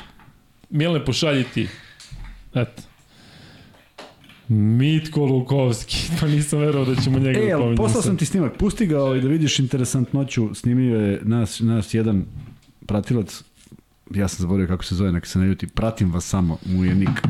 Da kaže ovde Plamli ima četiri i ovaj braći Grant ima četiri isto. Džera i Džerijan i kompanija. Omo li vidite to šta, šta hoće Kuzma, a? Može samo da, da. Dobro, koliko treba da znamo da ne gledamo u kameru. Sat vremena je sam snimak, sat vremena je sam snimak. I 30 minuta skida. I, da. Sačekajte samo sekund. Da. Evo ga, sad će. Trifunović, Kari, Lepa Nes, stvar, Čarapić lepa stvar, i Vučević. lepa stvar, apropo onoga što smo pričali, lepa stvar, apropo, a? Su dali Ne, ne, pet? da, pri, pričaju ovde o očima i sinovima, tako da ču- čudno mi kako nema recimo Jarića i Rakočevića da, i ostalo. da, da. Kaži. Ima i Dalipakić. Da, Davorin je. Lepa stvar koja se desila, apropo onoga što smo pričali o odnosu igrača. Evo sad koliko može se vidi igra Exum ide i poziva Nedovića i vidiš. To je to. Kako ne? Pa jasno. Završila se utakmica i idemo dalje. Će nas tuži neko zbog ovog snimka? Kako da neće, samo o- o- ovaj što nas prati. Exum. A sad će Exum da? Neće snimio telefonu. Šalim se. Sasu Salin se javlja. Šta kaže? Kaže da je gledao ovaj, e, podcast sa Nemanjom Aleksandrom i kaže da mu je krivo što ima nekako čudno i odbojne stave prema sportu od kojeg je živeo. Pa, dešava se, dešava se da, odi, da ljudi odu u tu krajnost i u krajnjem slučaju da, da, ovaj, da pojasnimo, e, mi smo svi prihvatili ta pravila igre, a to je da, da smo oštećeni u svakom smislu zdravstveno, pa te boli ovo i boli ono. Profesionalni sport nije zdrav, ali smo... A šta imaš danas? Koje posledice imaš danas od, od košake? Pa, pa bio sam, na primjer, na ultrazvuku srca, pa nemam normalno srce. Da nam je ono sportsko srce, kad sam veliko legao, srce. kad sam legao kod doktora, legoh i ovaj, na jedan jedini slobodan krevet. Svuda oko mene su ljudi koji imaju ozbiljnih problema. I, ovaj, i ulazi doktor i kači mi onaj ultrazvuk i viče ovim što, što stažiraju. Sve oni studenti i studentki. Brzo vamo, brzo, i svi se skupe njih, jedno 6, 7, 8. Kaže, ovo nećete vidjeti, kaže, na ovom odeljenju. Kaže, sve je uvećano, sve je ovo, ba, ba, ba, on im izrad, e, kaže, sve radi. Kaže, pogledajte, kaže, ovako nešto nećete imati prilike da gledate. Tako da mi smo svesni toga. Levi zglob, leđa, Ili imaš nešto na hladnoću, toplotu? Ne, jasno? ne, ali na primjer, na primjer ušinuo sam se jednom i otišao sam da snimim eventualno ako nije neki problem sa kičmom. I znaš šta sam ustanovio? To jest šta je ustanovio rentgen Šta? Da su mi diskovi iz ovog, iz ovog oblika prešli u konusni. Od, sabi, od, od skakanja. I faktički toliko su se iskrivili da ne daju disku da ispadne, što je zvuči glupavo, ali uopšte nije loše. Da on ne može da iskliza da bi povredio. Da. Da. da li je to nešto običajno ili kod mene deformitet neki, ali u svakom slučaju nisu ovakvi, nego teže ti je da se povrediš. Glupo zvuči. Tako da imamo svi. I,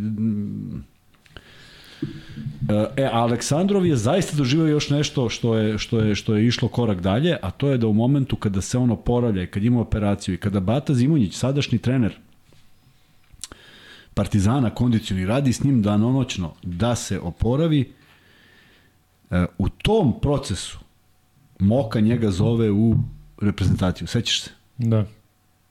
2007. I on nikada ne sanira povredu. On odlazi povređen, sa željom naravno, zove ga Moka, reprezentacija, šta ćeš bolje. I od tada ide sve, stvari, tad ne postoji.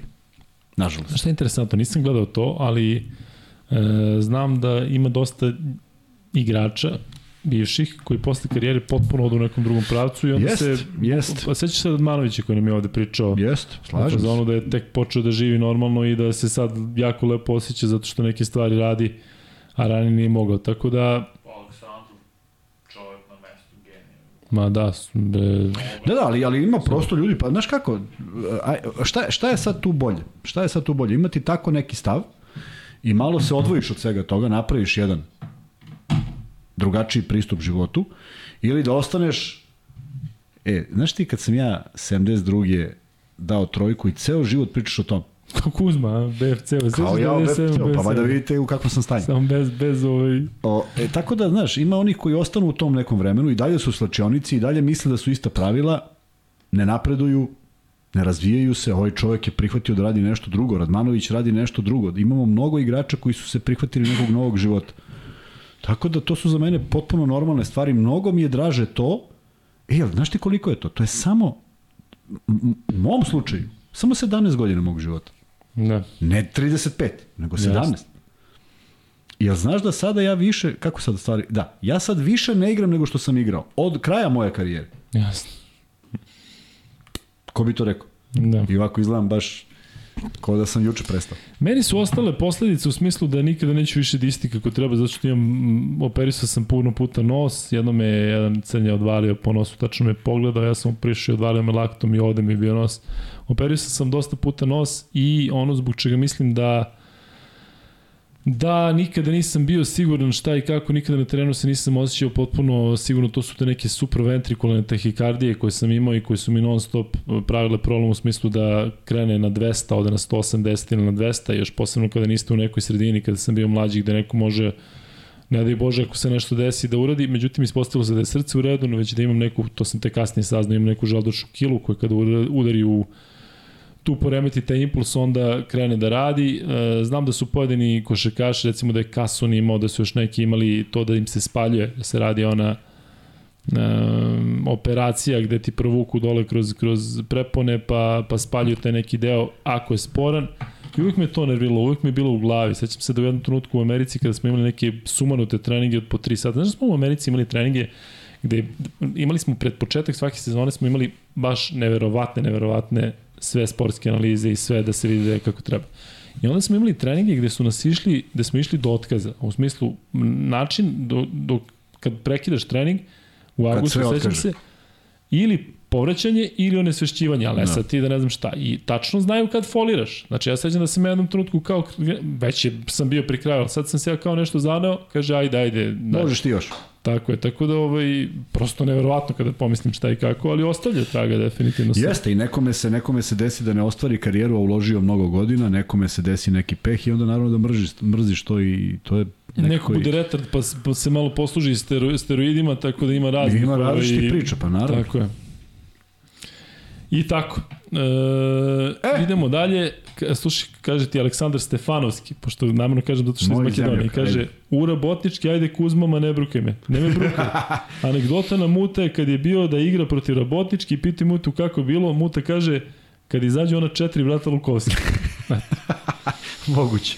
Da. Preskočio je tu. Mada ima, ima ta ludačka... Obećao sam, imam jednog koji mi nije rod u Kumanovu, obećao sam da ću ići u Kumanovo 2023. godine. Obećao sam i moram da ispunim obećanje. Tamo dole ima neki neka, nije ne znam da li rodbina, ali ima nešto, a moj tata pokojni je išao tamo sredno vreme i ostavlja uvek divan utisak i sad vidim da probam ja da ostavim sličan, tako da idem u Kumanovo. Ako ima neko iz Kumanova, 2023. dolazim Jok da snimamo nema. uživo vlogove. Uh, najsmešniji, najsmešniji, ovaj, ne mogu kažem anegdota, nego kaka, nadimak koji je imao Janko Lukovski je upravo od mute. Zvao ga je lažni Meksikanac zbog, zbog brka.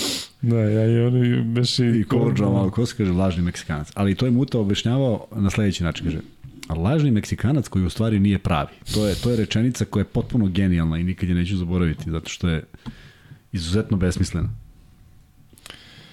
Luka Ivanović kaže, Luka imaš VPV sindrom, izaziva tehikardiju, imam i to i nije stvar za šalu. Ne znam šta je VPV sindrom, ali ja stavno imam želudačnu kilu i sve mi je rečeno e, da... Ali ga imaš. Da, da. ali želudačna kila koja kažem ti kada mi se podigne, kada mi se podigne želudac i on ta kila kada je u nekom položaju baš osetim kako mi je onako, dakle nemam problem sa srcem, a kada mi je recimo ta tahikardija kada mi krene onda imam to su mi u Americi učili koliko koji su ovaj načini da usporiš E, impuls srca, dakle vazduh, pritisak, e, zadržiš vazduh i masiraš određene receptore i uvijek je dobro da imaš nešto pored sebe da da ovaj da da se smiriš u tom trenutku. Ali imam čovjeka koji mi sređuje želudac, tako da oduševljen sam time i uvijek, uvijek rado idem kod njega iću i dan vreme da ovaj da da krene. Bio i tebe sam vodio Kuzma, a? Yes, fenomenalno. Tako da eto. E, dobro, pitali su ovde, bilo nekoliko pitanja koje su sada prošla. Luka, ako možeš objašnjenje zašto su Panteri i Vildoza na mrtvu, slušaj ovo Kuzma, zašto ja to nisam ispratio. Ako može objašnjenje zašto su Panteri i Vildoza na mrtvu skakali na centru, a Martin Lesor sa mesta gde su se bacili za loptu? Pa zašto je ovo bilo na centru? Pa tako? Da, mislim da je bliže, bliže, bliže ne, ne, ne, samo mora bude bliže. Mora bliže, mora bliže, da, ako si bliže da. ili ovo, ništa, ništa sporno, nisam primetio. E, pitao je Lida Jokara Plus, zategao sam, zategao sam ga, ne ležim u nešto Houston poenterski, ne znam ni što sam igrao kad gledam sad, ha, ha, ha. Moj prvi prenos NBA meča je bio sa kolegom Lakijem Lazarom Jovanovićem, pošto smo NBA uvek radili zajedno. Bio je Houston domaćin Denveru. I mislim da nikada Jokić nije odigrao slabiju partiju. I sad se da ušao ni Joe Chi, koji kad je on ušao možete misliti kako je to izgledalo da je bilo plus 30 za Houston. Tako da eto, ali Alperen Šengun igra fenomenalno, ima pre neko veče 21-19. Ovaj, zaista taj momak, pratim ga još iz, iz Bandirme, takozvanog Banvita i svaka mu čast, mislim da će biti dosta, dosta dobar. Ima potpuno drugačije fizičke predispozicije od većine centara koji dolaze iz Evrope, a kad smo već kod centara koji imaju dobre ove statistike, 31 plus 29 zubac, si vidio Vanja? Ne viđen. A, jesi vidio Kuzma? Jes. Pročito, a? Pročito. Kako dođeš do 29 skokova? Kako se to radi? Ne. Dakle, ne dalo mi je realno. Pa ne deluje. Da li su, ovi su mnogo promašivali, očigledno. Da. E, evo sad ovde leko je. Presalo, bromazepam, magnezijum, cink, dobro delu protiv tahikardije. Classic movies. Viš, prvi put se tako javi neko ko čuje i onda ovaj, hoće da pomogne. Tako da A koliko ima leko? 498. Okay. Zove ljude da Paypaluju i lajkuju. Da, e, a što se tog Paypala tiče, on će biti u opisu, to jest već u opisu, ali cela fora u tome je valjda da, što, to. što kada se ide tako, onda... Ne, odnosno slušajte ovo što Kuzma priča da nam neko objasni zato što mi ne znamo šta se tu dešava. Molim te. Šta se dešava sa Paypalom? Sa Paypalom ispostavlja se da manje, kada donirate, manje vam se skida novca. To je to. To je kraj. Šta sam trebao još da kažem? Mislio sam za decimale. E da, a imamo na čekanju nekih, nekoliko ljudi i ispostavilo se da svi oni koji su poslali nešto, neki broj koji nije zaokružen, onda on nešto čeka. Ne znamo šta čeka. Ako neko zna šta se čeka, neka nam javi. Sve što je okruglo, 10, 25, da, je 30, prošlo. prošlo. Ali ovo nešto 2,79, da. 1,36, to je on nekom on da, hold. Da, nekom na on što holdu što ne znamo šta znači. Ne znamo zaista šta se dešava. E...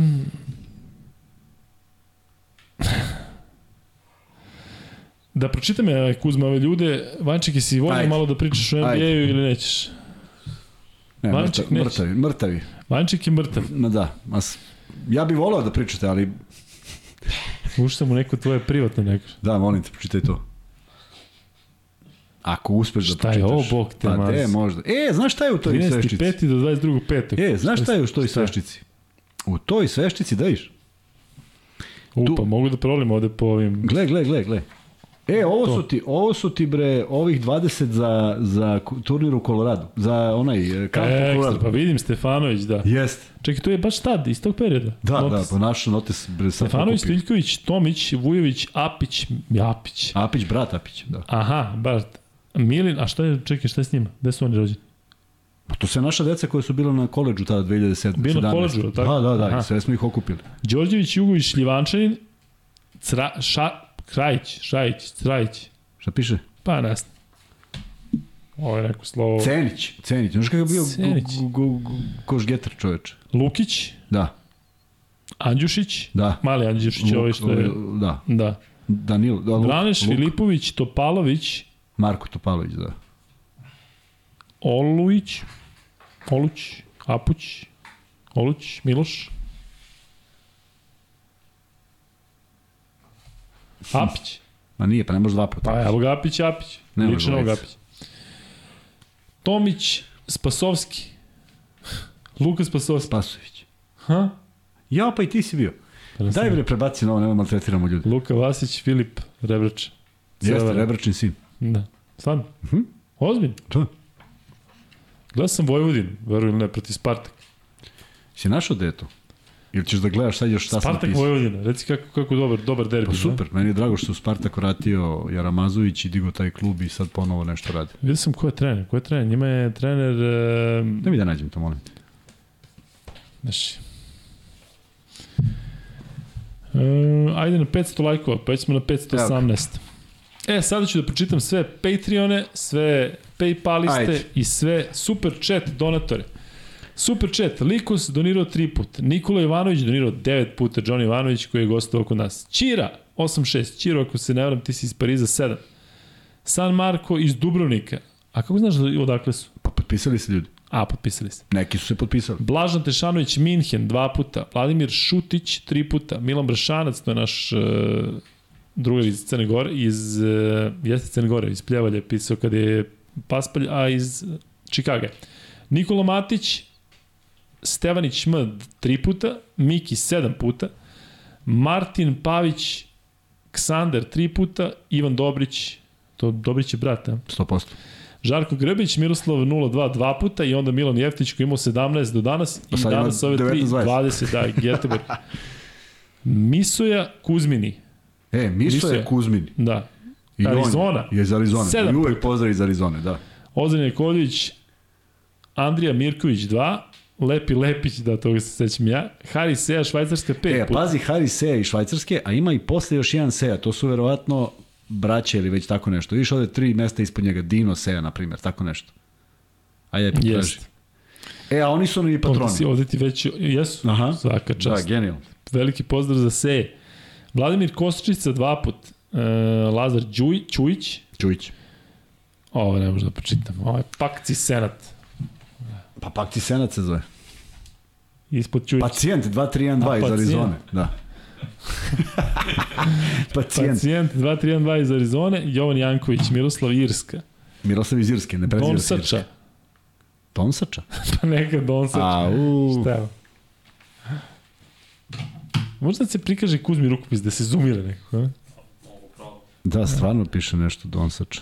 Nek se javi Donsač, izvinjamo se Donsač. Don, Don, Don, Donsača. ne ima nešto. Dobro. E, Dino Seja, Nikola Radović, aj pređi dalje. Ima Eto. još bre toga. Koliko hoćeš. Svetislav Kasapinović, e, Sizir Đorđević, Viktor Gašparovski, Petar Perunović 88 lob, Nik Ola, Miodrag Baja Babović dva puta, Dušan e, Cvetanović dva puta, inače, e, kako ne znam ja ovo, Grošparovski, tri puta da je. Matija Milović, e, pištolj pozicija 7, pištolj pozicija jedno vreme išlo onako iz dana da, samo je cepao. Srđan Nenadović, Dušan Subotić 7 puta, Bojan Markov 2 puta, Aca Nikola, Aca Nikola 2 puta, Da. Čuki Čiča, Haris Hasan Spahić, Lazar Komazec, Irska, Bojan Bukvić 3 puta, Dušan Mihajlović, David Blam, njega se sećam da on i prošle put donirao. Jeste, ne da. Jovan 888, Jovan si posle, posle Jovan e, i Majicu. Nije postao adresu, niko Jovan ništa. i Mina, Mina ne Da gleda pošalju- verovatno, ali Mina i Jovan nek pošalju za, za majice da, da im pošaljemo veličini, da im pošaljemo majice. Veličine da pošaljemo. Mi ćemo pošaljemo veličine. Da. I pošaljite majice. Nek nam da pošalju malo majice. Koje su vaše veličine. Da. E, Ivan Jovanović, Ivan Juri, Jurić, e, Mina Pavlović, da evo. Mina Pavlović tri put. Znate vidiš. Jeste. Da, ono 50, 120. E, Danko Mitrović, Milan Pavlović, Milan Pavlović, mislim šesti put da. Ivan Iličić i Goran Savanović, Španija, Majorka, Leksa, Leksa car. Stefan Milošević, Luka Nikolandžić, Vuk Grbić, Miloš Paskaš, Dragan Šaković, Dule Malešević, Orkica, Orkica, što i dalje ne znamo šta je. E, nek napiše Orkica šta je. E, Miloš Mađar, u Dorka Van Stuttgart. A, to piše dekorativni van. Dekorativan. Band, da. Vladan Milodinović, Michael Vronski, to se sećam, Saša Zlatarović, New York, Schiller, Damir Pronković, Prenković, Stefan Olić. E sada, Patreoni, Ivan Pajić, Milan Stojković, Dušan Ćemović, Đorđe Stanisavljević, Nikola Jovanović, Lazar Ćujić, Marko Supetić, dakle imamo oni koji su i Patreoni. Patreon Fenomenalno. i da. Luka, Milan Kaličanin, Mihajlo Srđan Jakišić, Tamni Vilajet, Mihajlo Savić, Aleksandar Marinković, Vladan Miladinović, Željko Radulović, Ivan Horvat, Milan Durdenić, Đurđević, Durdević, pa verovatno se Durdević. potpisao Durdević, da, ali moguće da je Đurđević. Jovan Jorković, Željko Gligorević, sad će da se javlja ovde, pročite, pročite sam pogrešno prezim. Bojan Markov, Nikola Peruničić, Milan Jevtić, Milan, Milaje, Dejan 84, Miroslav, Alen Stojčić, Andrej Diligenski. To su On, Patreoni. je, on ima još Patreon. Ima još Patreon. 32 treba da bude. Tomaš, Tomoš, Tomaš, Tomaš. Tomaš, Dino Seja, evo ga, Radovan Đogo i Perica Štefan. Eto. I PayPal, Andrij Diligenski, Slobodan Joković, Slobodan Vidović, Stefan Ivanović. I čekamo, to su na čekanju ovih što su poslali, Da. a mi o, Ne to i dalje on holdu. Nemanja Đurić, Stefan Tripković, ili trebalo bi Tripković, jeste. Igor Racić ili Račić, Jugoslav Zvekić, Predrag Lozo i Galilei Information Technology. Tako da ljudi, vidite koliko vas ima, to je prosto neverovatno. I ono što će se definitivno desiti, što ćemo vas učiniti besmrtnim, što kaže Srki Erceg, naš prijatelj pre svega ili kolega, dakle mi ćemo da vas stavimo u knjige, kada budemo pisali, odnosno u knjigu, gde je Kuzma već odradio dobar deo svog posla, a ja nikako da stignem. Zašto? Zato što je sad 1.23, doću kući u 3, pa idem na novu S, pa nemam kada pišem. Tako da, e, hvala vam puno, šta da vam kažem, zaista nema ništa lepše nego kada neko uči nešto za što nema obavezu ili bilo šta, već jednostavno mu se sviđa to što radimo, tako da je to zaista fenomenalno. Kuzma, šta imamo još? Imamo da prokomentarišemo malo NBA ligu, Ako morate, ali Vanja mi nešto zaspatano. Vanja neće, ali ja ću da kažem da, da, da se nekako i tamo Ja ću sve kažem da mi je drago što je Boston prvi I što je Brooklyn prvi. i što Brooklyn nije prvi nego deveti. A takođe mi je drago što je Phoenix Što Phoenix? već u ovih nekoliko posljednjih utakmica baš dominira. Misliš Phoenix? Phoenix, Phoenix, pa dobro, Phoenix, Phoenix. I ovo što se ovo, ipak uh, Lakersi što su krenuli malo sa dna, Ja navim da I- Lakers i Brooklyn se podignu da stvarno u play-off. Pa jesu, E, pa su sad, dobro, imali su sad dobar raspad par puta, a i vratili su se, znaš ko je počeo da igra? Počeo da igra gospodin, nemački reprezentativac, Detlef Schenf. počeo šude da igra i neko delo da je bolje. Bare meni. E, kaže Milan Brašanac, znaš, kaže, ajde momci koji gledate, svi da lupite like, što bi Ameri rekli, palac u vis. Pa je. Thumbs up i vreme da se lagano i razilazimo. E, Kuzma, šta još imamo za kraj? Da najavimo da radimo u četvrtak, da ćemo petak vidjeti šta, kad i kako. I da ćemo se potruditi da u subotu, da, da onaj, ono dešavanje u subotu uh, najavimo na vreme. Orkica, Orkica kaže bio se Kulović. Javila se, Orkica. E, pozdravlja Milan iz Čikaga. Pitanje za tebe, Kuzma, je sledeće. Si se koncentrisan? Jes. Luka, pite Kuzma, ali se seća sedenja na kafi u KG Šumarice kada je pitao klince da roditelji iz Kruševca donesu pehar za turnir regiona KSS, a taj klinac je sada porastao i sad ga ponosno gleda. Češ jedan? Ne, ko je to? Luka Jovanović. Piti Kuzmu, da li se seća sedenja na kafi u KG Sećam Šumarice, se. kad je pitao klince da roditelji iz Kruševca donesu pehare za turnir regiona KSS. Dobro. Taj klinac je sada porastao i sad ga ponosno gleda, čovjek aludira na sebe. Gde ga gledam? Čovjek taj sad piše. To je jedan od tih klinaca. Pre koliko si bio u Šumaricama i tražio te pehare? 17. Ne, 16. 15. Pa eto, pre 7 godina. I sada Luka Jovanović koji tad možda imao 13, A sad ima 20. ponosno mene gleda. Da, A ja bre razmišljam koga gledam, gde gledam i sad tražim neko prezime. Pa taj klinac je sad porastao i Pa sad ga se, ponosno to su, te gleda. Jeste, to su turniri regiona koji su tri godine bili u...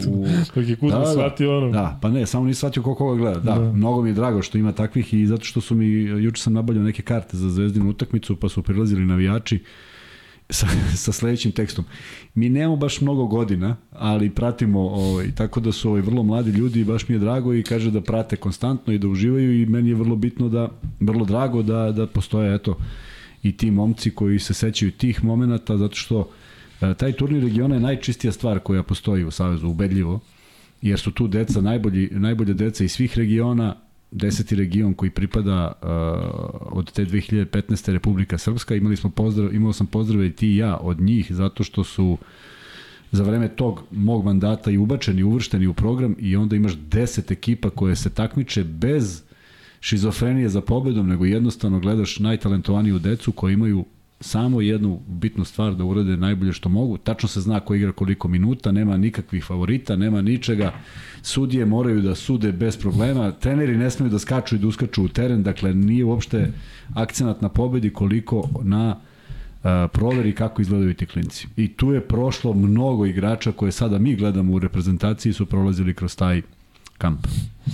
Sad ode Kuzma na 5% baterije, Kuzma zaspao, Kuzma u hibridnom modu. Kako bre, viš kako sam se raspričao? Kaže Milo Šušnjar, u dresu Bredrija Bila ulazim u svog Fijata stila. Dobro. E, Luka, može komentar za Lakers-e? Navijam da urade nešto, da dođe do nekog play-ina pa da ih gledamo ako je moguće ovaj, u nekoj ozbiljnoj varijanti, ali mislim da će im ova sezona biti okrenuta ka tome da LeBron pređe Karima šta ću raditi još. Volio bi da vidim neki trade da se malo tamo nešto desi da živim. E, ništa, momci, privodimo kraju. Dva i po sata smo bili sada sa vama, pričali o prvom derbiju, sledeći već za 10 dana. Do tada imamo onaj prvi e, podcast u četvrtak, za, u subotu se družimo u galeriji, u petak vjerojatno nećemo raditi zato što će preći već sve kamere i sve odade iz studija će preći u galeriju, tako da, eto, ovo će biti sad Ako bude opcija situacija. za, za petak, pokušat ćemo da radimo, vidjet ćemo, sve. Da. Ali što se tiče ovog podcasta, Kuzma, to je 102. podcast i e, mislim da je jako bitno to što smo e, ovde sa našim, što su stvari naši gledalci bili više nego korektni, a opet je bio derbi.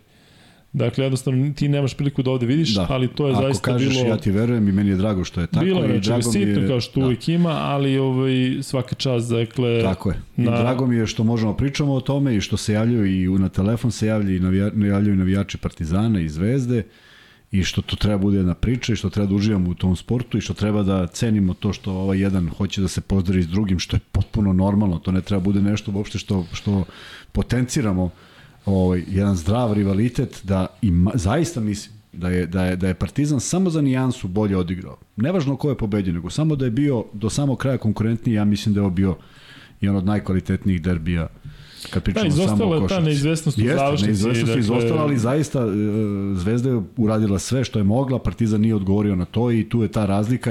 Verujem da će već za 10 dana biti mnogo teže Zvezdi, da će Partizan igrati u nekoj drugoj brzini, ali to naravno zavisi od raspoloživih igrača, da se ne ponavljamo. U svakom slučaju, meni je drago što mi sa našim gledalcima možemo da pričamo i što ne učestvujemo ni u kakvim tabloidnim vestima i u nekim senzacijama, nego jednostavno imamo neistrpnu priču, pre svega zahvaljujući ljudima koji nas inspirišu, a video si koliko ima i poruka i koliko ima predloga i koliko sve negde prate i koliko sve to znaju, prema tome zadovoljstvo je provoditi ove sate sa vama. Evo ovde ljudi kažu laku noć, laku noć i vama, žao mi što vas ostavljamo 1500 ovako u, u live-u, ali moramo i mi da spavamo. Tako da vidimo se u četvrtak u 103. podcastu sa Lukom i Kuzmom. Ćao.